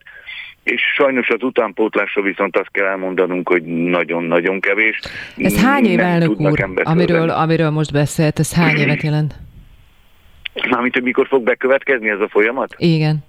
Hát ezt mondtam, egy olyan, egy olyan 5 és 10 év között teszem, amikor óriási probléma. Szóval nem lesz változás, akkor, akkor ez a lemorzsolódások, hogyha most itt elindul ez a, csak számoljuk azt, hogy minden évben mondjuk egy 10%-os lemorzsolódás van, és csak 5%-ot tudnak újra felvenni, mert nincs jelentkező, hiába szeretne az OKF kollégákat felvenni, ha egyszer nincs jelentkezés, hiába vannak toborzások, hiába van bármi egyéb más dolog. Ez a jelenlegi bér és a jelenlegi rendszer, ez, ez nem éppen vonzó a fiatal. Én emlékszem rá, hogy 2019-ben, meg már előtte is, de 19-ben arról beszélgettünk, hogy kritikus szint alá kerülhet a vonulós tűzoltók létszáma. Én emlékszem erre a híre. Azóta ezt hogy sikerült megúszni, ezt a kritikus szintet, vagy nem sikerült megúszni, és kritikus szint alatt van? Hát igazából ez vezénylésekkel, mint ahogy az egészségügyben. Innen, oda, onnan ide teszegetjük az embereket. Ezzel egyetlen egy probléma van, az, hogy, hogy ugyanúgy azok a túlórák, azok a, az egyéb dolgok, azok, azok meg fognak maradni, és tologatjuk magunk előtt ezeket a, ezeket a problémákat. Mi ellentétben még a, a, a rendőrökkel, mi nem országos szinten, hanem megyei szinten vagyunk vezényelhetők. Ennek azért, azért van még egy kis előnye, mert azért nem kell az ország másik végére elmenni, de már az is problémát jelent, hogy például a veszélyhelyzet kapcsán a, a, a törvénykezés arról is szól, ugye, hogy a túlórát azt a helyi parancsnok dönti el, hogy miben adja ki a kollégának. Ugye eddig úgy volt, hogy február elejéig le kellett adni egy, egy kérelmet kvázi arról, hogy miben szeretné a kolléga kérni a túlórájának a rendezését. Ezt ugye lehetett volna, lehetne szabadnapba, vagy lehetne pénzben. A szabad nap azért nem játszik jelen pillanatban, mert a létszám olyan, mint ahogy mondtuk, hogy ugye hogy inkább, inkább át kell vezényelni embereket ide-oda. Tehát hiába akarná szabad napba kérni, nem biztos, hogy meg fogja tudni adni neki a parancsnok. A, a kifizetéssel pedig az a probléma, hogy ugye mi távolíti díjat kapunk a, a, a túlóráinkra, ez a távolíti díj pedig csak az mint tartalmazza.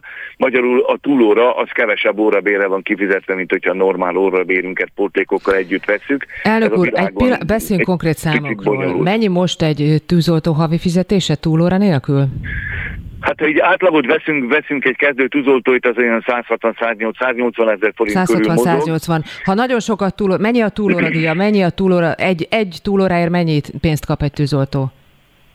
Hát ugye ezt napokban vagy órákban számoljuk. Most nagyjából mi kiszámoltunk egy átlagot, az ilyen 800, 800 forint között mozog, 800 és 1000 forint között mozog. Ugye ez változik azért a beosztásoktól, akinek magasabb a beosztása, természetesen magasabb egy a bére. 800 forintot kap Így most van. egy Tehát tűzoltó? Magyarul most, hogyha most belenézünk, meg megnézzük csak egy picit a munkavilágát, akkor látjuk, hogy a bérminimumnak az óra bérét éri el. Egy diák munka is 1100 forint körül kezdődnek, és ugye ott azért nincs másról szó, mint mondjuk elmegy az Aldiba, vagy a Tesco-ba, vagy valahol pakol polcokat, vagy esetleg kasszázik, vagy, vagy, vagy olyan ö, dolgokban segít be, ami nem egészen ö, ugyanazt a léptéket éri el, mint mondjuk egy tűzoltó kollégának a munkája. Mennyi tűzoltó hiányzik most a rendszerből? Hát szerintem jelen pillanatban most egy ilyen, egy ilyen 15-20 százalékkal már valamennyivel beljebb lennénk, de hogyha 30 százalékkal többet de fel tudnának venni, és a létszámot fel tudnák ennyivel um, emelni, akkor minden probléma ilyen szempontból megoldódna. És azt is tudomásul kell venni, és azt is látnunk kell, hogy a kollégák legtöbbször pont ezért uh, szembesülnek azzal, hogy hát neki lehet, hogy el kell hagyni ezt a pályát, ugyanis a, a munkaidőnkből kifolyólag, ami ugye 24 óra szolgálat, 48 szabad, rengeteg rengetegen dolgoznak másodállásban, és amikor, amikor ő, ő neki van egy, egy előre leszervezett munkája, amivel kiegészíti a tűzoltóságon kapott fizetését, majd ö, ez keresztül húzza az a, az a dolog, hogy neki mondjuk éppen ö, teszem föl Györmoson Sopron megyéből, holnap nem Győrben kell szolgáltat teljesíteni, hanem Sopronba, akkor azért el tudjuk képzelni, hogy az oda a visszautazások, az egyéb más dolgok azért ott időt vesznek el, már nem tud úgy beleállni abba a történetbe, ahogyan szeretne, és gyakorlatilag azért, azért ezt, hogyha ha még mellé veszük, akkor sokan azt mondják, hogy nézd, engem fölülnek, hogy nézd Lajos, másodállásban keresek három egységet, itt keresek egy egységet, el kell gondolkodnom azon, hogy, hogy inkább rágyúrok egy kicsit erre a másodállásra. Arról nem is beszélek, hogy azért, ha valakinek előbb-utóbb el kell hagynia ezt a területet, azért 50 év felett már nem nagyon kapkodnak sehol az emberekért, és itt azért 60 éves korig ezt nekünk gyűrni kell, jelen pillanatban 60 éves korban lehet elmenni, még mindig nem nyugdíjban, nem rendelkezési állományban. Ja, térjünk egy picit vissza a veszélyhelyzetre, mert nagyon is összefügg ugye itt a szabadságokkal, meg a másodállásokkal is, tehát hogy a héten döntenek a, a parlamentben a veszélyhelyzet meghosszabbításáról. Önök kérik, hogy ne hosszabbítsák meg? Most a járványhelyzetet már azért látják, látjuk a számokat, mert, mert nem tudják kivenni a szabadságaikat? Itt ugye a szabadságolásokkal a következő, ami még problémát jelent nálunk, ez a külföldre történő utazás. Azért, azért tavaly júniusban már ezzel nem volt probléma. Ugye a törvény jelen pillanatban úgy fogalmaz, hogy a, a rendvédelemben dolgozóknak a külföldre utazását a belügyminiszter úr engedélyezi. Tehát gyakorlatilag, ha most valaki külföldre szeretne menni mondjuk egy, egy nyaralásra, vagy mondjuk teszem föl rokonlátogatásra, vagy mondjuk a családjából valaki kindolgozik külföldön, és szeretnék most már egy év múlva látni és találkozni, és egy kicsit, kicsit nem csak Skype-on, hanem személyesen is beszélgetni, akkor ez úgy néz ki, hogy a kollégának meg kell címezni ezt a szolgálati jegyet, ugye nálam szolgálati jegyel lehet szabadságot kérni, és a szolgálati jegyet továbbítani kell a szolgálati út betartásával a belügyminiszternek. Ez annyit jelent, hogy, hogy ha valaki helyben megírja a jegyet, azt odaadja a helyi parancsnokának, kirendeltségvezetőnek, az tovább megy a megyei szintre, megyei szintről megy a katasztrófavédelem és a katasztrófavédelemtől a, a miniszterig. Ugye amit hallottunk, a, és a kollégák mondanak, hogy ennek egyáltalán egy hátulütője van, az, hogy rengeteg idő. Tehát nagyon sok köröm megy keresztül ez a történet, mire, mire az engedélyezési folyamat maga megtörténik. Viszont azt is el kell mondanom, hogy az eddigi információk szerint aki kérte, az meg is kapta ezt az engedélyt, tehát nem volt még olyan, hogy valakit visszautasítottak volna. Legalábbis, ha volt is felénk, ezt ö, nem jelezték. No hát a héten kiderül minden esetre, már mint a veszélyhelyzet meghosszabbításáról, hogyan döntenek a képviselők. Elnök úr, köszönöm, hogy a rendelkezésünkre állt. Viszont hallásra! Nagyon szívesen viszont hallásra! Spirit FM. Spirit FM. Hírműsorok, véleményvezérek, vitaindító gondolatok. A rádió, ahol szabad kérdezni. Onnan folytatjuk, ahol az előbb abba hagytuk. Dr. Sós Adrianna, független egészségügyi szakszervezet elnöke van itt velem a vonalban. Jó reggelt! Jó reggelt kívánok, üdvözlöm a hallgatókat! Önök is várják már, hogy vége legyen a veszélyhelyzetnek? És most nyilván nem arra gondolok, hogy hány beteg van és milyenek a számok, hanem hogy más szabályok vonatkoznak önökre is. Hát mindenképpen mindenféle szempontból örülnénk neki, hogyha nem lenne szükség a veszélyhelyzet meghosszabbítására, de különösen azoknak a szabályoknak a meghosszabbítására, ami az egészségügyi dolgozókat hátrányosan érinti. Ezek között az, ami most nagyon sokakat komolyan zavar és nehezményezik, ez a felmondási tilalom. Tehát ugye a munkavállaló saját kezdeményezésére jogszerűen nem szüntetheti meg az egészségügyi ellátórendszerben, az állami, illetve önkormányzati ellátórendszerben a munkaviszonyát. Ez azért nagy probléma, hiszen nagyon sok oka lehet annak, hogy valaki munkahelyet akar változtatni, nem feltétlenül az, hogy a egészségügyet végérvényesen elhagyja, hanem akár egy másik szolgáltatóhoz akar menni, akár elköltözött valahová, akár egy jobb ajánlata van mondjuk a magán szférába, de bármilyen személyes sok közelebb akar kerülni a család többi tagjához. Önök ugye készítettek egy felmérést erről. Bocsánat, tehát önök készítettek egy felmérést erről, hogy a szakdolgozói körben nagyon nagy az elvándorlási kedv. Itt az okokat nézték, hogy miért akar elmenni egy szakdolgozó? Hogyne, itt soha rendszeresen mérjük mi azt, hogy a szakdolgozók hogyan gondolkodnak a dolgokról, soha ilyen nagy mértékű szándékot nem látunk arra, hogy változtassanak a jelenlegi helyzetükön. Két hány, hány százalék? anyagi oka van ennek. A dolgozók fele azt mondta, hogy ha vége lesz a veszélyhelyzetnek, illetve hát nem lesz ekkora nagy szükség a betegeknek rájuk, akkor minden második a nyilatkozók közül azt mondta, hogy ő elhagyná a munkahelyét. Nyilván többen nyilatkoznak azok közül, akik menni szeretnének, mint akik úgy egyébként hosszú távon is maradnak. És hát ennek nagyon nagy része anyagi okai vannak, továbbra is megkérdeztük azt, hogy mi venné rá arra, hogyha mégis maradjon, annak ellenére, hogy most úgy gondolja, hogy nem szeretne. Kétharmad részben anyagi okokra hivatkoztak, de elég nagy számban mondták azt is, hogy a vezetői hozzáállás, a vezetői megbecsülés, a munka tiszteletbe tartása az, ami hozzájárulhatna ahhoz, hogy ők megváltoztassák ezt a szándékukat. És itt az idősebb munkavállalóknál is ez a helyzet, és sokan közülik az egészségügyet is elhagynák. Csak nem csak arról van szó, hogy elmegy külföldre, elmegy máshova, hanem, a pályát hanem úgy az hagynák. egészből elege van. Mi lesz és, annak, vagy mi lehet annak a következménye, hogyha ezek a dolgozó kollégák beváltják az ígéreteiket, ha nem is minden második, mert ugye azt mondta, hogy 50 százalék, hanem ha csak minden harmadik. Mi lesz annak a következménye? Hát már most is nagyon súlyos következménye vannak annak, hogy több ezer ember elment, bizonyos helyeken egyszerűen nem lehetne fenntartani sok intézményben az ellátást, illetve hát most is látjuk sajnos a magas halálozási számokat, amelyeknek bizony egy részéhez nagy eséllyel hozzájárul az, hogy különösen a szakdolgozók, ápolók kevesen vannak, nem tudnak úgy odafigyelni, sokkal több beteget kell gondozniuk, és hát ez hozzájárul ahhoz, hogy akik maradnak, még rosszabbul érzik magukat, tehát erősíti még tulajdonképpen azt a folyamatot is, hogy nem érzik itt jól magukat. Ma is olyan sokat dolgoznak, van, aki 300 órákat dolgozik rendszeresen egy hónapban, részben anyagi ok miatt, hogy több legyen a a bevétele, mert az alapbérből nem igazán élnek meg, másrészt mert belekényszerülnek abba, mert minél kevesebben vannak a többiekre, annál többet próbálnak rá erőltetni, de hát a végén ezzel leginkább a betegek járnak rosszul. Hát kimerülten, fáradtan nem lehet úgy gyógyítani, ápolni, mint egy normális, kipihent egészségügyi dolgozó tenni ezt meg. Sós Adriana, köszönöm, hogy a rendelkezésünkre állt. Viszont hallásra! Viszont hallásra! Aktuál. Friss hírek, információk, beszélgetések.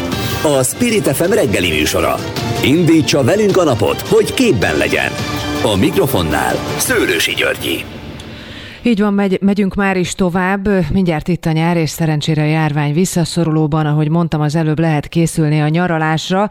Tehát a hírek szerint nem lesz olcsó. Milyen a zsebünkbe kell nyúlni az idén sajnos. Drágul a belföldi utazás, egyébként állítólag a külföldiek is, de most belföldre koncentrálunk, mert itt van velem Baldauf Csaba, a Magyar Szállodák és Éttermek Szövetségének alelnöke. Jó reggelt kívánok! Jó reggelt kívánok! No, még mielőtt kitör a nyár itt a pünkösdi hétvége, arról tud nekünk valamit mondani. Aki nem foglalt eddig, azt most már meg se próbálja? Mennyire vannak tele a szállodák? Szerintem próbálja meg nyugodtan, mert én azt gondolom kevés a szálloda, ahol még nem lehet helyet találni. A, a szállodától kapott információk alapján elmondhatjuk, hogy nagyjából egy 70-80%-os töltöttséggel állnak a házak most itt a pünkösdi ünnep előtt. Az magas, nem? 70-80 szál, vagy nem magas? Hát ugye ez nyilván viszonyítás kérdése, azért azt tudni kell, hogy a, a hosszú hétvégék alapvetően az elmúlt években Covid előtti időszakról beszélek, mint elmúlt évek, azok azért alapvetően egy ilyen közel 100%-os terítettséggel mentek, tehát ahhoz képest, ha onnét nézzük, akkor nyilván kevesebb. Ha onnét nézzük, az lényegében hogy május elején indultunk el, akkor nyugodtan mondhatjuk azt, hogy egész szállodai ágazatnak ez a pünkös lesz az igazi újraindulása. Igen, én most onnan, onnan néztem, hogy ezek szerint az emberekben nincs félelem. Azért sokan féltek attól, hogy majd nem mernek majd még menni az emberek szállodákba, akkor ezek szerint ez nincs így. Hát ugye egyrészt van egy jogszabályi háttér, ami én azt gondolom az utazók számára megnyugtató. Tehát mi, mint szállodák, ugye oltási igazolvány vagy védettségi igazolványra fogadhatjuk a vendégeket, ezt kötelező is betartanunk és betartatnunk a kollégákkal. És nyilván, ha vendégek, akik oltva vannak, vagy rendelkeznek ezekkel az igazolványokkal, őnekik ez egy megnyugtatás, hogy pontosan tudják, az túl azon, hogy a szálloda mindent elkövet annak érdekében, hogy azt a fajta igényet biztosítsa, biztosítsa, ami mondjuk így a Covid elleni védelemhez szükséges, de a vele együtt szállodában lakó vendégek is ugyancsak védettek, és értelemszerűen így azért már, egy felszabadultabb pihenés vehetnek részt. No, térjünk át a nyárra. Azt olvastam az elemzés, elemzésekben, hogy a hazai szálláshelyek hát tényleg csak most kezdhettek ezt szinte kinyitni, de az már látszik, hogy a tavalyi árak nem tarthatók. Összességében meg lehet azt mondani, hogy átlagban mekkora lesz az emelés? Hát ez szerintem nagyon el fog térni régiónként is, szálloda típusonként is, hogy nagyban függ attól, hogy adott szálloda milyen vezetéssel, menedzsmenttel rendelkezik, és mennyire jó tudják úgymond üzemeltetni a házat. Alapvetően van egy-két olyan jelentős költségfaktor, az üzemeltetés tekintetében, ahol értelemszerűen, a, hát nem értelemszerűen, de sajnos a, az árak nagyon elmentek. Egyrészt az élelmiszerárak, és ez ugye meghatározó mondjuk egy szállás vagy panziós csomagon belül. A bérek egyértelműen lényegesen magasabbak lesznek a szállodaiparban az idei évben, és ezek a pluszköltségek ezek már egy jelentős, hogy mondjam, olyan ö, ö, növekedést fognak okozni, amit valamilyen úton, módon az árakban a szolgáltatóknak érvényesíteni kell. De mégis valamilyen átlagára tudom mondani, 10 százalék, 20 százalék? Hát tehát... én, én azt gondolom, 10% a minimum beszélhetünk, a 30-at, amik itt a médiában megjelentek, én azért azt gondolom, hogy az egy erős túlzás, de hát nyilván kellenek a szalagcímek, de a 10-20 százalékot én minden további nélkül el tudom képzelni bizonyos régiókban mindenképpen. Egyébként az, hogy mennyire indulnak be a foglalások, tehát hogy mennyire gyorsan kezdünk el foglalni, az befolyásolja az árakat? Tehát a kereslet? Ez egy jó kérdés. Én azt gondolom, hogy a belföldi utazók is egyre tudatosabbak, és tisztában vannak azzal, hogy a, ami korábban csak a budapesti fővárosi szállodákra voltak jellemzőek, hogy vidéken is már jó pár éve a szállodák úgynevezett dinamikus árazással kínálják a szolgáltatásaikat, tehát különböző töltöttséghez más és más árságok tartoznak. Hogyha egy vendég minél korábban foglal, annál jobb árakat fog kapni, és minél tovább kivár, annál drágább lesz. Ezért van az, hogy tényleg itt ugye tavaly évben is megjelentek olyan hírek, hogy eh, még egy nem túl erős szálloda eh, két ágyas szobát félpanzióval több mint 80 ezer forint fölött eh, árusított, nyilván volt neki három darab, értelemszerűen utolsó vendéget vagy elvitte, vagy nem vitte el, de ezt az árat megkérte érte. Én mindenki csak biztatni tudok arra, hogy minél korábban foglaljanak, lehetőség szerint minél előbb biztosítsák be a hazai szállodába foglalásukat, ez egyértelműen komoly árányt fog jelenteni azoknak, akik korán ébredtek. Azt mondta, hogy ugye muszáj volt béreket emelni. Mennyire jöttek vissza a nyitásra a szakemberek? Találnak-e munkaerőt? Séfet, szakácsot, szobalányt, bárkit? Hát a, én inkább úgy fogom, vissza nem jöttek, tehát azok a szállodák, akik tudták tartani a dolgozóikat komoly ráfordításokkal, ott kevesebben mentek el a szállodából. Én azt gondolom, hogy lényegében minden szállodán minimum 10-20 százaléknyi jelen pillanatban munkaerő hiányzik, és hogy ezt mennyire fogjuk tudni pótolni még a szezon előtt, ez egy nagyon komoly kérdés. Egyértelműen látszik az, hogy a munkaerő kimondottan mondjuk vendéglátás tekintetében, tehát felszolgálók, szakácsod, akár housekeeping vagy műszaki dolgozók vonatkozásában nagyon keresettek lettek, és hát ugye azok a éttermek, vendéglátók, akik mondjuk hat hónapig zárva voltak, és mindenkit elküldtek, ők most azért megpróbálják a szállodák által átmentett dolgozókat is fogalmazzak megszerezni maguknak. Baldog Csaba, köszönöm, hogy rendelkezésünkre állt. Viszont hallásra! Viszont hallásra! Spirit FM 92.9 A nagyváros hangja Megyünk már is tovább, akik olyan szerencsések, hogy már terveznék a nyári utazásokat, azok figyeljenek továbbra is, mert sok még a kérdés. Rögtön például az, hogy mennyire tervezzünk előre, és most inkább a külföldi utakról lesz szó.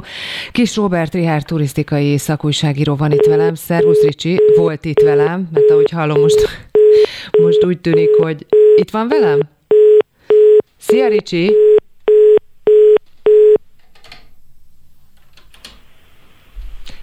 Itt vagy velem, Ricsi, hallasz? Itt vagyok, itt vagyok, tökéletesen hallak, igen. Szuper, szervusz. Én az előbb nem hallottalak. No, tehát mennyire érdemes előre tervezni szerinted most a külföldi utakat? Te foglalnál már augusztusra például? Hát azt hiszem, hogy most azért alaposan végig kell gondolni az utazásokat, de hozzáteszem, az utazási irodák nagyon jó kondíciókat találtak ki. Például meglehetősen hosszú ideig vissza lehet mondani. Nagyon sok utazási cégnél, hogyha foglalunk egy nyaralást, akkor ha mégse tudunk elutazni, önhibánkon kívül visszakapjuk a beszedett előleget. Vannak olyan utazási cégek, ahol az előleget is csak az utolsó pillanatban vagy később kell befizetni. Tehát rendkívül kedvező kondíciókat találtak ki pontosan azért, mert nem egyszerű a helyzet, kicsit bizonytalan, tekintettel arra, hogy az egészségügyi helyzet és az emiatti kormányzati intézkedések a különböző államokban szintén változnak és változékonyak. Úgyhogy jelenleg azt látjuk, hogy nagyjából azért egy normális év 30%-ának megfelelő foglalás érkezik Görögországba, vagy akár más tájakra is, ahová a magyarok általában szeretnek utazni, meg azt is látjuk, hogy Horvátországban is sokan készülnek, tehát van azért külföldre mozgás, bár még mindig azt mondhatom, hogy a belföld az, ami igazán nagy sláger lesz a mostani nyári szezonban. De akkor aki külföldre megy és foglal előre, az inkább irodán keresztül tegye ezt meg. Mit tudunk most jelen pillanatban a vakcinákról? Bontsuk ketté. Akit az EMA által, tehát az Unió Gyógyszerügynökségi által engedélyezett vakcinával oltottak, az bárhová mehet Európában, és akit orosz vagy kínai oltással, az egyelőre hová mehet biztosan? Sokkal bonyolultabb ennél a helyzet. Egyáltalán nem ilyen egyszerű, és mondhatjuk azt, hogy akkor most vakcinánként akkor különböznek az emberek. Nem, nem erről van szó. A tagállamonként csak az EU-n belül is annyiféle fajta szabályozás van, hogy fel kell kötni a nadrágot, hogyha valahova utazni szeretnénk. Ha például el akarunk menni mondjuk Nagy-Britanniába, akkor három negatív PCR-tesztre van szükségünk előtte, akkor, utána, tehát, és teljesen mindegy, hogy milyen a védettségigazolványunk. Vannak olyan országok, amelyekkel kötöttünk már megállapodást. Itt, ha védettségi orvosi igazolvány általában elegendő, de van, ahol még pluszban kérik azt a kis cetlit is, ami igazolja, hogy a második oltást is megkaptuk, és akkor ha eltelik utána 10, egyes országoknál 14 nap, akkor tudunk menni. Például Horvátország esetében is ez lesz a helyzet. Szerbiába, Montenegróba, Szlovéniába, Csehországba, Bahreinbe például, Észak-Macedóniába tudunk az oltási kártyánkkal helyesebben a védettségi igazolványjal menni, tehát ebből a szempontból ez már lehetséges. De azért tovább bonyolítsuk a képletet, ha nem csak felnőttek utaznak, akkor tovább bonyolódik, nem? Mert nem mindegy, akkor hogy mekkora a gyerek például. Van, akkor tovább bonyolódik a dolog, és mondom, most elmondtam néhányat, de úgy egyébként ahány ország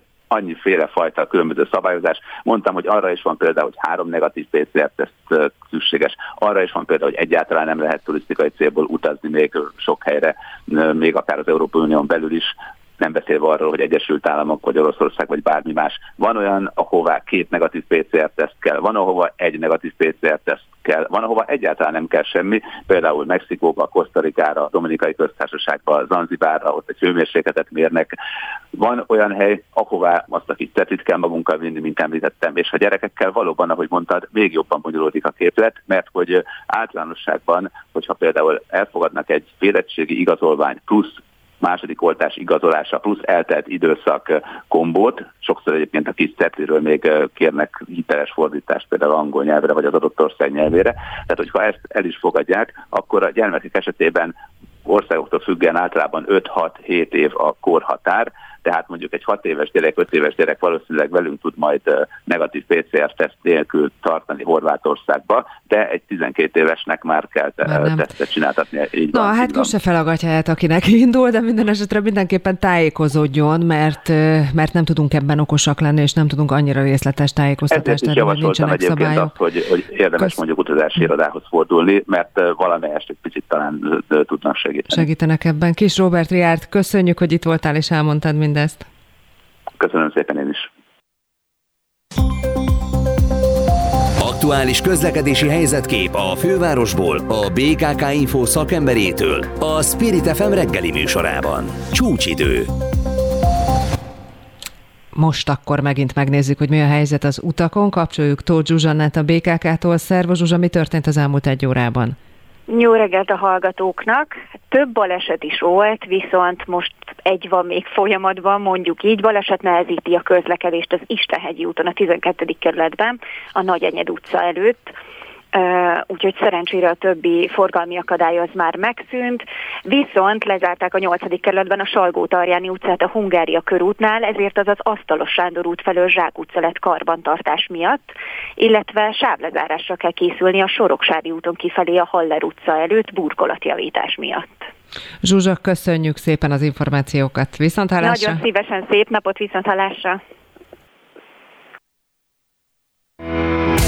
Spirit FM 92.9 A nagyváros hangja. Amerikai tudósok felfedezték a gondolatírást. A kaliforniai Stanford Egyetem kutatói egy gerincverő sérülés miatt lebénult emberrel kísérleteztek. Szenzort ültettek az agyába, így a férfi képes lett leírni a gondolatait. Azt kérték a férfitől, hogy képzelje el, amint tollat és papírt tart a kezében, majd próbáljon megírni. Az agykirekbe beültetett szenzorok érzékelték az agy aktivitását. Egy algoritmus pedig segített abban, abban, hogy a szöveg megjelenjen a számítógépen. A felfedezés milliók számára biztosíthat új reményt, hogy kifejezzék magukat. A vonalban itt van már velünk Káli Szabolcs, a Kísérleti Orvostudományi Kutatóintézet tudományos főmunkatársa. Jó reggelt kívánok! Jó reggelt! Halló? Halló, jó reggelt, hall engem? Most már én is hallom. Igen, jó reggelt jó kívánok, reggelt. most én is sokkal jobban hallom. No, úgy szól a hír, hogy amerikai kutatók felfedezték a gondolatírást. Ugye így szól a hír. Mit fedeztek fel? Mert egy egyszerű halandó, mint például én, már itt a szalagcímnél elakad egy kicsit. Igen, hát tulajdonképpen arról van szó, hogy egy újabb nagyot sikerült előrelépni azon a tulajdonképpen már jó régen, talán nagyjából 20 éve folyó kutatási irányban, ahol ugye próbálnak azokon az embereken segíteni, akiknek az agyába, vagy az agyából az információ áramlás valamilyen módon nem úgy működik, mint a normális, egészséges embereknek. Tehát ugye normális esetben az agyunk úgy kapja az információt, hogy az érzékszerveink érzékelik az információt, és továbbítják az agyunkba. Tehát ez azt Amikor jelenti, valami... hogy az agy ép, a gondolatok épek, de nem épp a keze, nem tudja leírni, vagy nem tudja elmondani, mondani? Nincs hangja, beszédkészség? Igen, tehát ezeknél az embereknél általában e, az történik, hogy megsérül például a, a gerincük, vagy valamilyen olyan betegségük van, ami miatt e, nem tudják például mozgatni a karjukat, vagy nem tudnak beszélni. És ezen próbálnak megsegíteni úgy, hogy közvetlenül az agyukból próbálják kiolvasni az információt, és utána azt valamilyen gép segítségével teszik hasznossá, tehát teszik láthatóvá, mások számára például a kommunikációról van szó, vagy mozgatni lehet hasonló módon, például olyan is volt egy valami robotkart, vagy egy számítógépes kurzort. Tehát magyarul úgy képzeljük el, hogy csak tényleg értsük. Én egyébként láttam a videót, ül valaki, és azt gondolja, hogy ír, vagy mit ír, elgondolja, hogy mit ír, és ez meg is történik egy számítógép segítségével.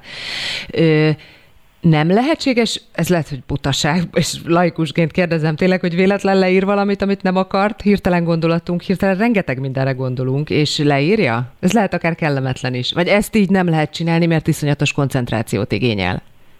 Hát biztos, hogy nagyon kell ehhez koncentrálni, és ráadásul azért ők nem kommunikálnak így sem olyan gyorsan, mint amikor mi beszélünk, és akkor hirtelen valami kicsúszik az embernek az, a száján, tehát nekünk borzasztóan koncentrálni kell arra, hogy betűről betűre elképzelje. Ahogy Világos, a viccet félretéve mi a legnagyobb jelentősége ennek a kutatásnak? Én azt gondolom, hogy potenciálisan ez tényleg alkalmas lehet arra, hogy, hogy nagyon sok olyan emberen segítsen, akinek valamilyen betegség vagy baleset folytán elveszett a képessége arra, hogy beszélni tudjon, vagy, vagy mozogni tudjon. Ugye ez már nagyon régóta, talán 20 éve is folyik, és, és mindig különböző módon, különböző képességeket próbálnak tulajdonképpen visszaadni, tehát van arra próbálkozás, hogy járni tanuljanak -e azok az emberek, akik nem tudnak, vagy mondjuk a karjuk helyett egy robotkar tudjanak mozgatni, vagy például beszélni tudjanak, ugye beszéljen helyettük egy gép. És tulajdonképpen mindig arról szól a, a kutatás, hogy megpróbálják minél pontosabban visszaadni az agyukban megfigyelhető aktivitás alapján azt, hogy ők valójában mit is szeretnének csinálni, és valójában megpróbálják ezt a az elveszett képességüket pótolni. Az, hogy ezt most ö, kitalálták, vagy feltalálták, avval mikor lett legkorábban a gyakorlati életben hasznosítható eszköz? Ez mennyi idő ilyenkor általában? Hát érdemes azt tudni, hogy, hogy alapvetően hasonló ö, eredmények, alapvetően hasonló kutatások már folynak legalább 20 éve és ez egy nagyon lassan előre haladó terület, például foglalkozni kell azzal, hogy, hogy ténylegesen a megbízhatóan lehessen az információt hosszú távon elvezetni az agyból, foglalkozni kell azzal, hogy, hogy ez például mennyire okoz esetleg valamilyen fajta problémát a, az a beültetett eszköz, hogy ténylegesen hosszú távon tudja az ember értelmezni azokat a jeleket, amikor, amikor onnan kijönnek. Tehát ez egy nagyon lassan halad előre, és ez most egyetlen egy emberre vonatkozik ez a, ez a konkrét cikk, és biztos, hogy, hogy mire ez nagyon sok emberre alkalmazható lesz, megbízhatóan, azt szerintem azért még mindenképpen évek vagy évtizedekben kell inkább sajnos elképzelni. Ja, egy picit ugorjunk haza Amerikából, ugye ott történt ez. Ön mit dolgozik most a Kísérleti Orvostudományi Kutatóintézetben, vagy min, min dolgozik? Ha el tudja úgy mondani, hogy mi is értsük, akkor azt nagyon megköszönjük. Igen, hát nekem tulajdonképpen ezért ennél egy, ehhez képest egy picit más a, a kutatási területem. Én egy alapvetően egy elméleti neurobiológiával foglalkozom, ami azt jelenti, hogy számítógépes modelleket építek, amiken keresztül megpróbáljuk megérteni, uh, hogy az agyi információfeldolgozás hogyan történik, az egyes sejtek mit csinálnak ebben, az egy sejteknek a hálózatai hogyan épülnek föl, és hogyan tudnak valamilyen feladatot megoldani. Egyébként a magyarok hogy állnak a világban az orvostudományi kutatásokban? Van például Nemzeti Agykutatási Programunk, sőt, ha jól emlékszem, már 17-ben elindult a 2.0, vagyis a második etap is. Így igaz. Hát én azt gondolom, hogy a magyar, a magyar tudományban mindenképpen az egyik legsikeresebbnek tekinthető terület az alkutatás, tehát ez egy olyan terület, ahol azt gondolom, hogy minden kétséget kizáróan nemzetközileg versenyképes kutatócsoportok vannak, és nemzetközileg mércével is jelentős eredmények születnek. Hát Káli Szabocs, köszönöm, hogy a rendelkezésünkre állt, és segített elmagyarázni ezt a találmányt. Sok sikert a munkájához, további jó munkát, viszont hallásra! Nagyon szépen köszönöm, viszont hallásra! Böngésző. Mivel foglalkoznak a vezető internetes portálok? Hogyan találnak egyes híreket? Mire kattintanak a legtöbben? Böngésző. A Spirit FM reggeli műsorának online lapszemléje. Címlapsztorik, értekezések, izgalmas információk. Böngésző. Na böngészünk Vogyarák Anikóval. Szia Anikó! Jó reggelt Mit, mit találtál a lapokban ma reggel? Figyelj, ami evidencia, arról nem beszélek szerintem. Például mondjuk oltás, meg a szociális bérlakások ügye, mindenki foglalkozik ezzel, nagyon sokan támadják például ugye a bérlakások ügyét. Ami érdekes lehet, és oltáshoz kapcsolódik, az a Telexnek az egyik cikke, a védettséget igazoló applikációról. Nem tudom, te már foglalkoztál ezzel, vagy letöltötted a telefonodra, elvileg ez tesztüzemben működik. Nem töltöttem még le. sem. De aki próbálta, ön 50 hát vannak, van, akinek sikerült letölteni, de nem vele. működik. Igen, erről is ír a cikk, és egyébként arról is, hogy például a fővárosi állatkert elfogadja, úgyhogy nyilatkozott nekik Hanga Zoli, hogyha valaki állatkertbe szeretne menni, és működik az apja, akkor nem kell, hogy nála legyen a mindenféle igazoló okmány, hanem elég, hogyha felmutatja. Akkor letöltöm. A kis appot, Pénteken ugye? akarunk megnézni, Na, a kis elefántot tessék, elmegyünk megnézni. Tessék tessék. Aztán egyébként múzeumok nemzetközi világnapja van ma, ami hát kicsit keserédes, hiszen a múzeumok hol nyitva vannak, hol nem. Például a Nemzeti Múzeum is részlegesen nyitogat ki, de hát azért emlékezzünk meg róla.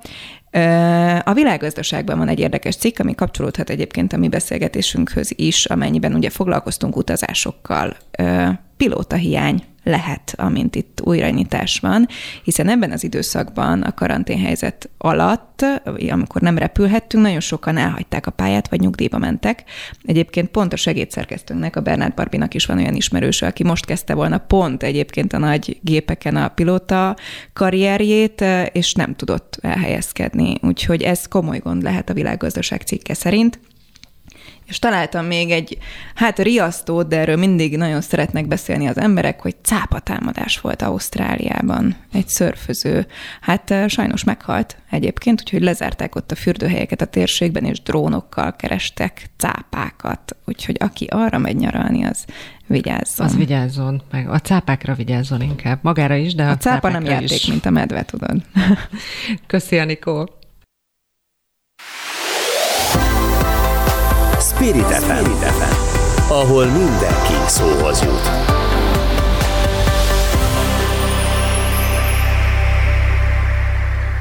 Egy gyors helycserés támadással már nem vagy Manikó van itt velem szemben, hanem Robi Kormos Robert. Bistro, mikor kezdtek, mivel kezdtek? Szia, üdvözlök és üdvözlöm a hallgatókat is. Kilenckor kezdünk, az már hamarosan pár perc, és jönnek a hírek, egy zene, és már is indulunk. Lesz a, 9. kerületben egy kiterjesztett valósággal kombinált kiállítás.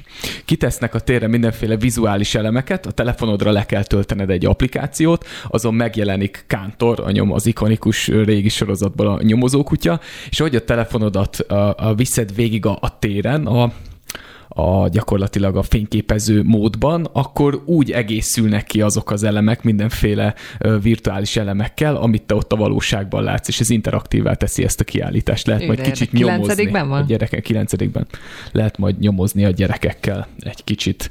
Aztán fogunk beszélgetni a IT biztonságról, ha a jelszavad bárhova a születési dátumod, vagy kedvenced neve, vagy valami fontos családtagnak valamiféle születési dátuma, nem mond, nem mond meg.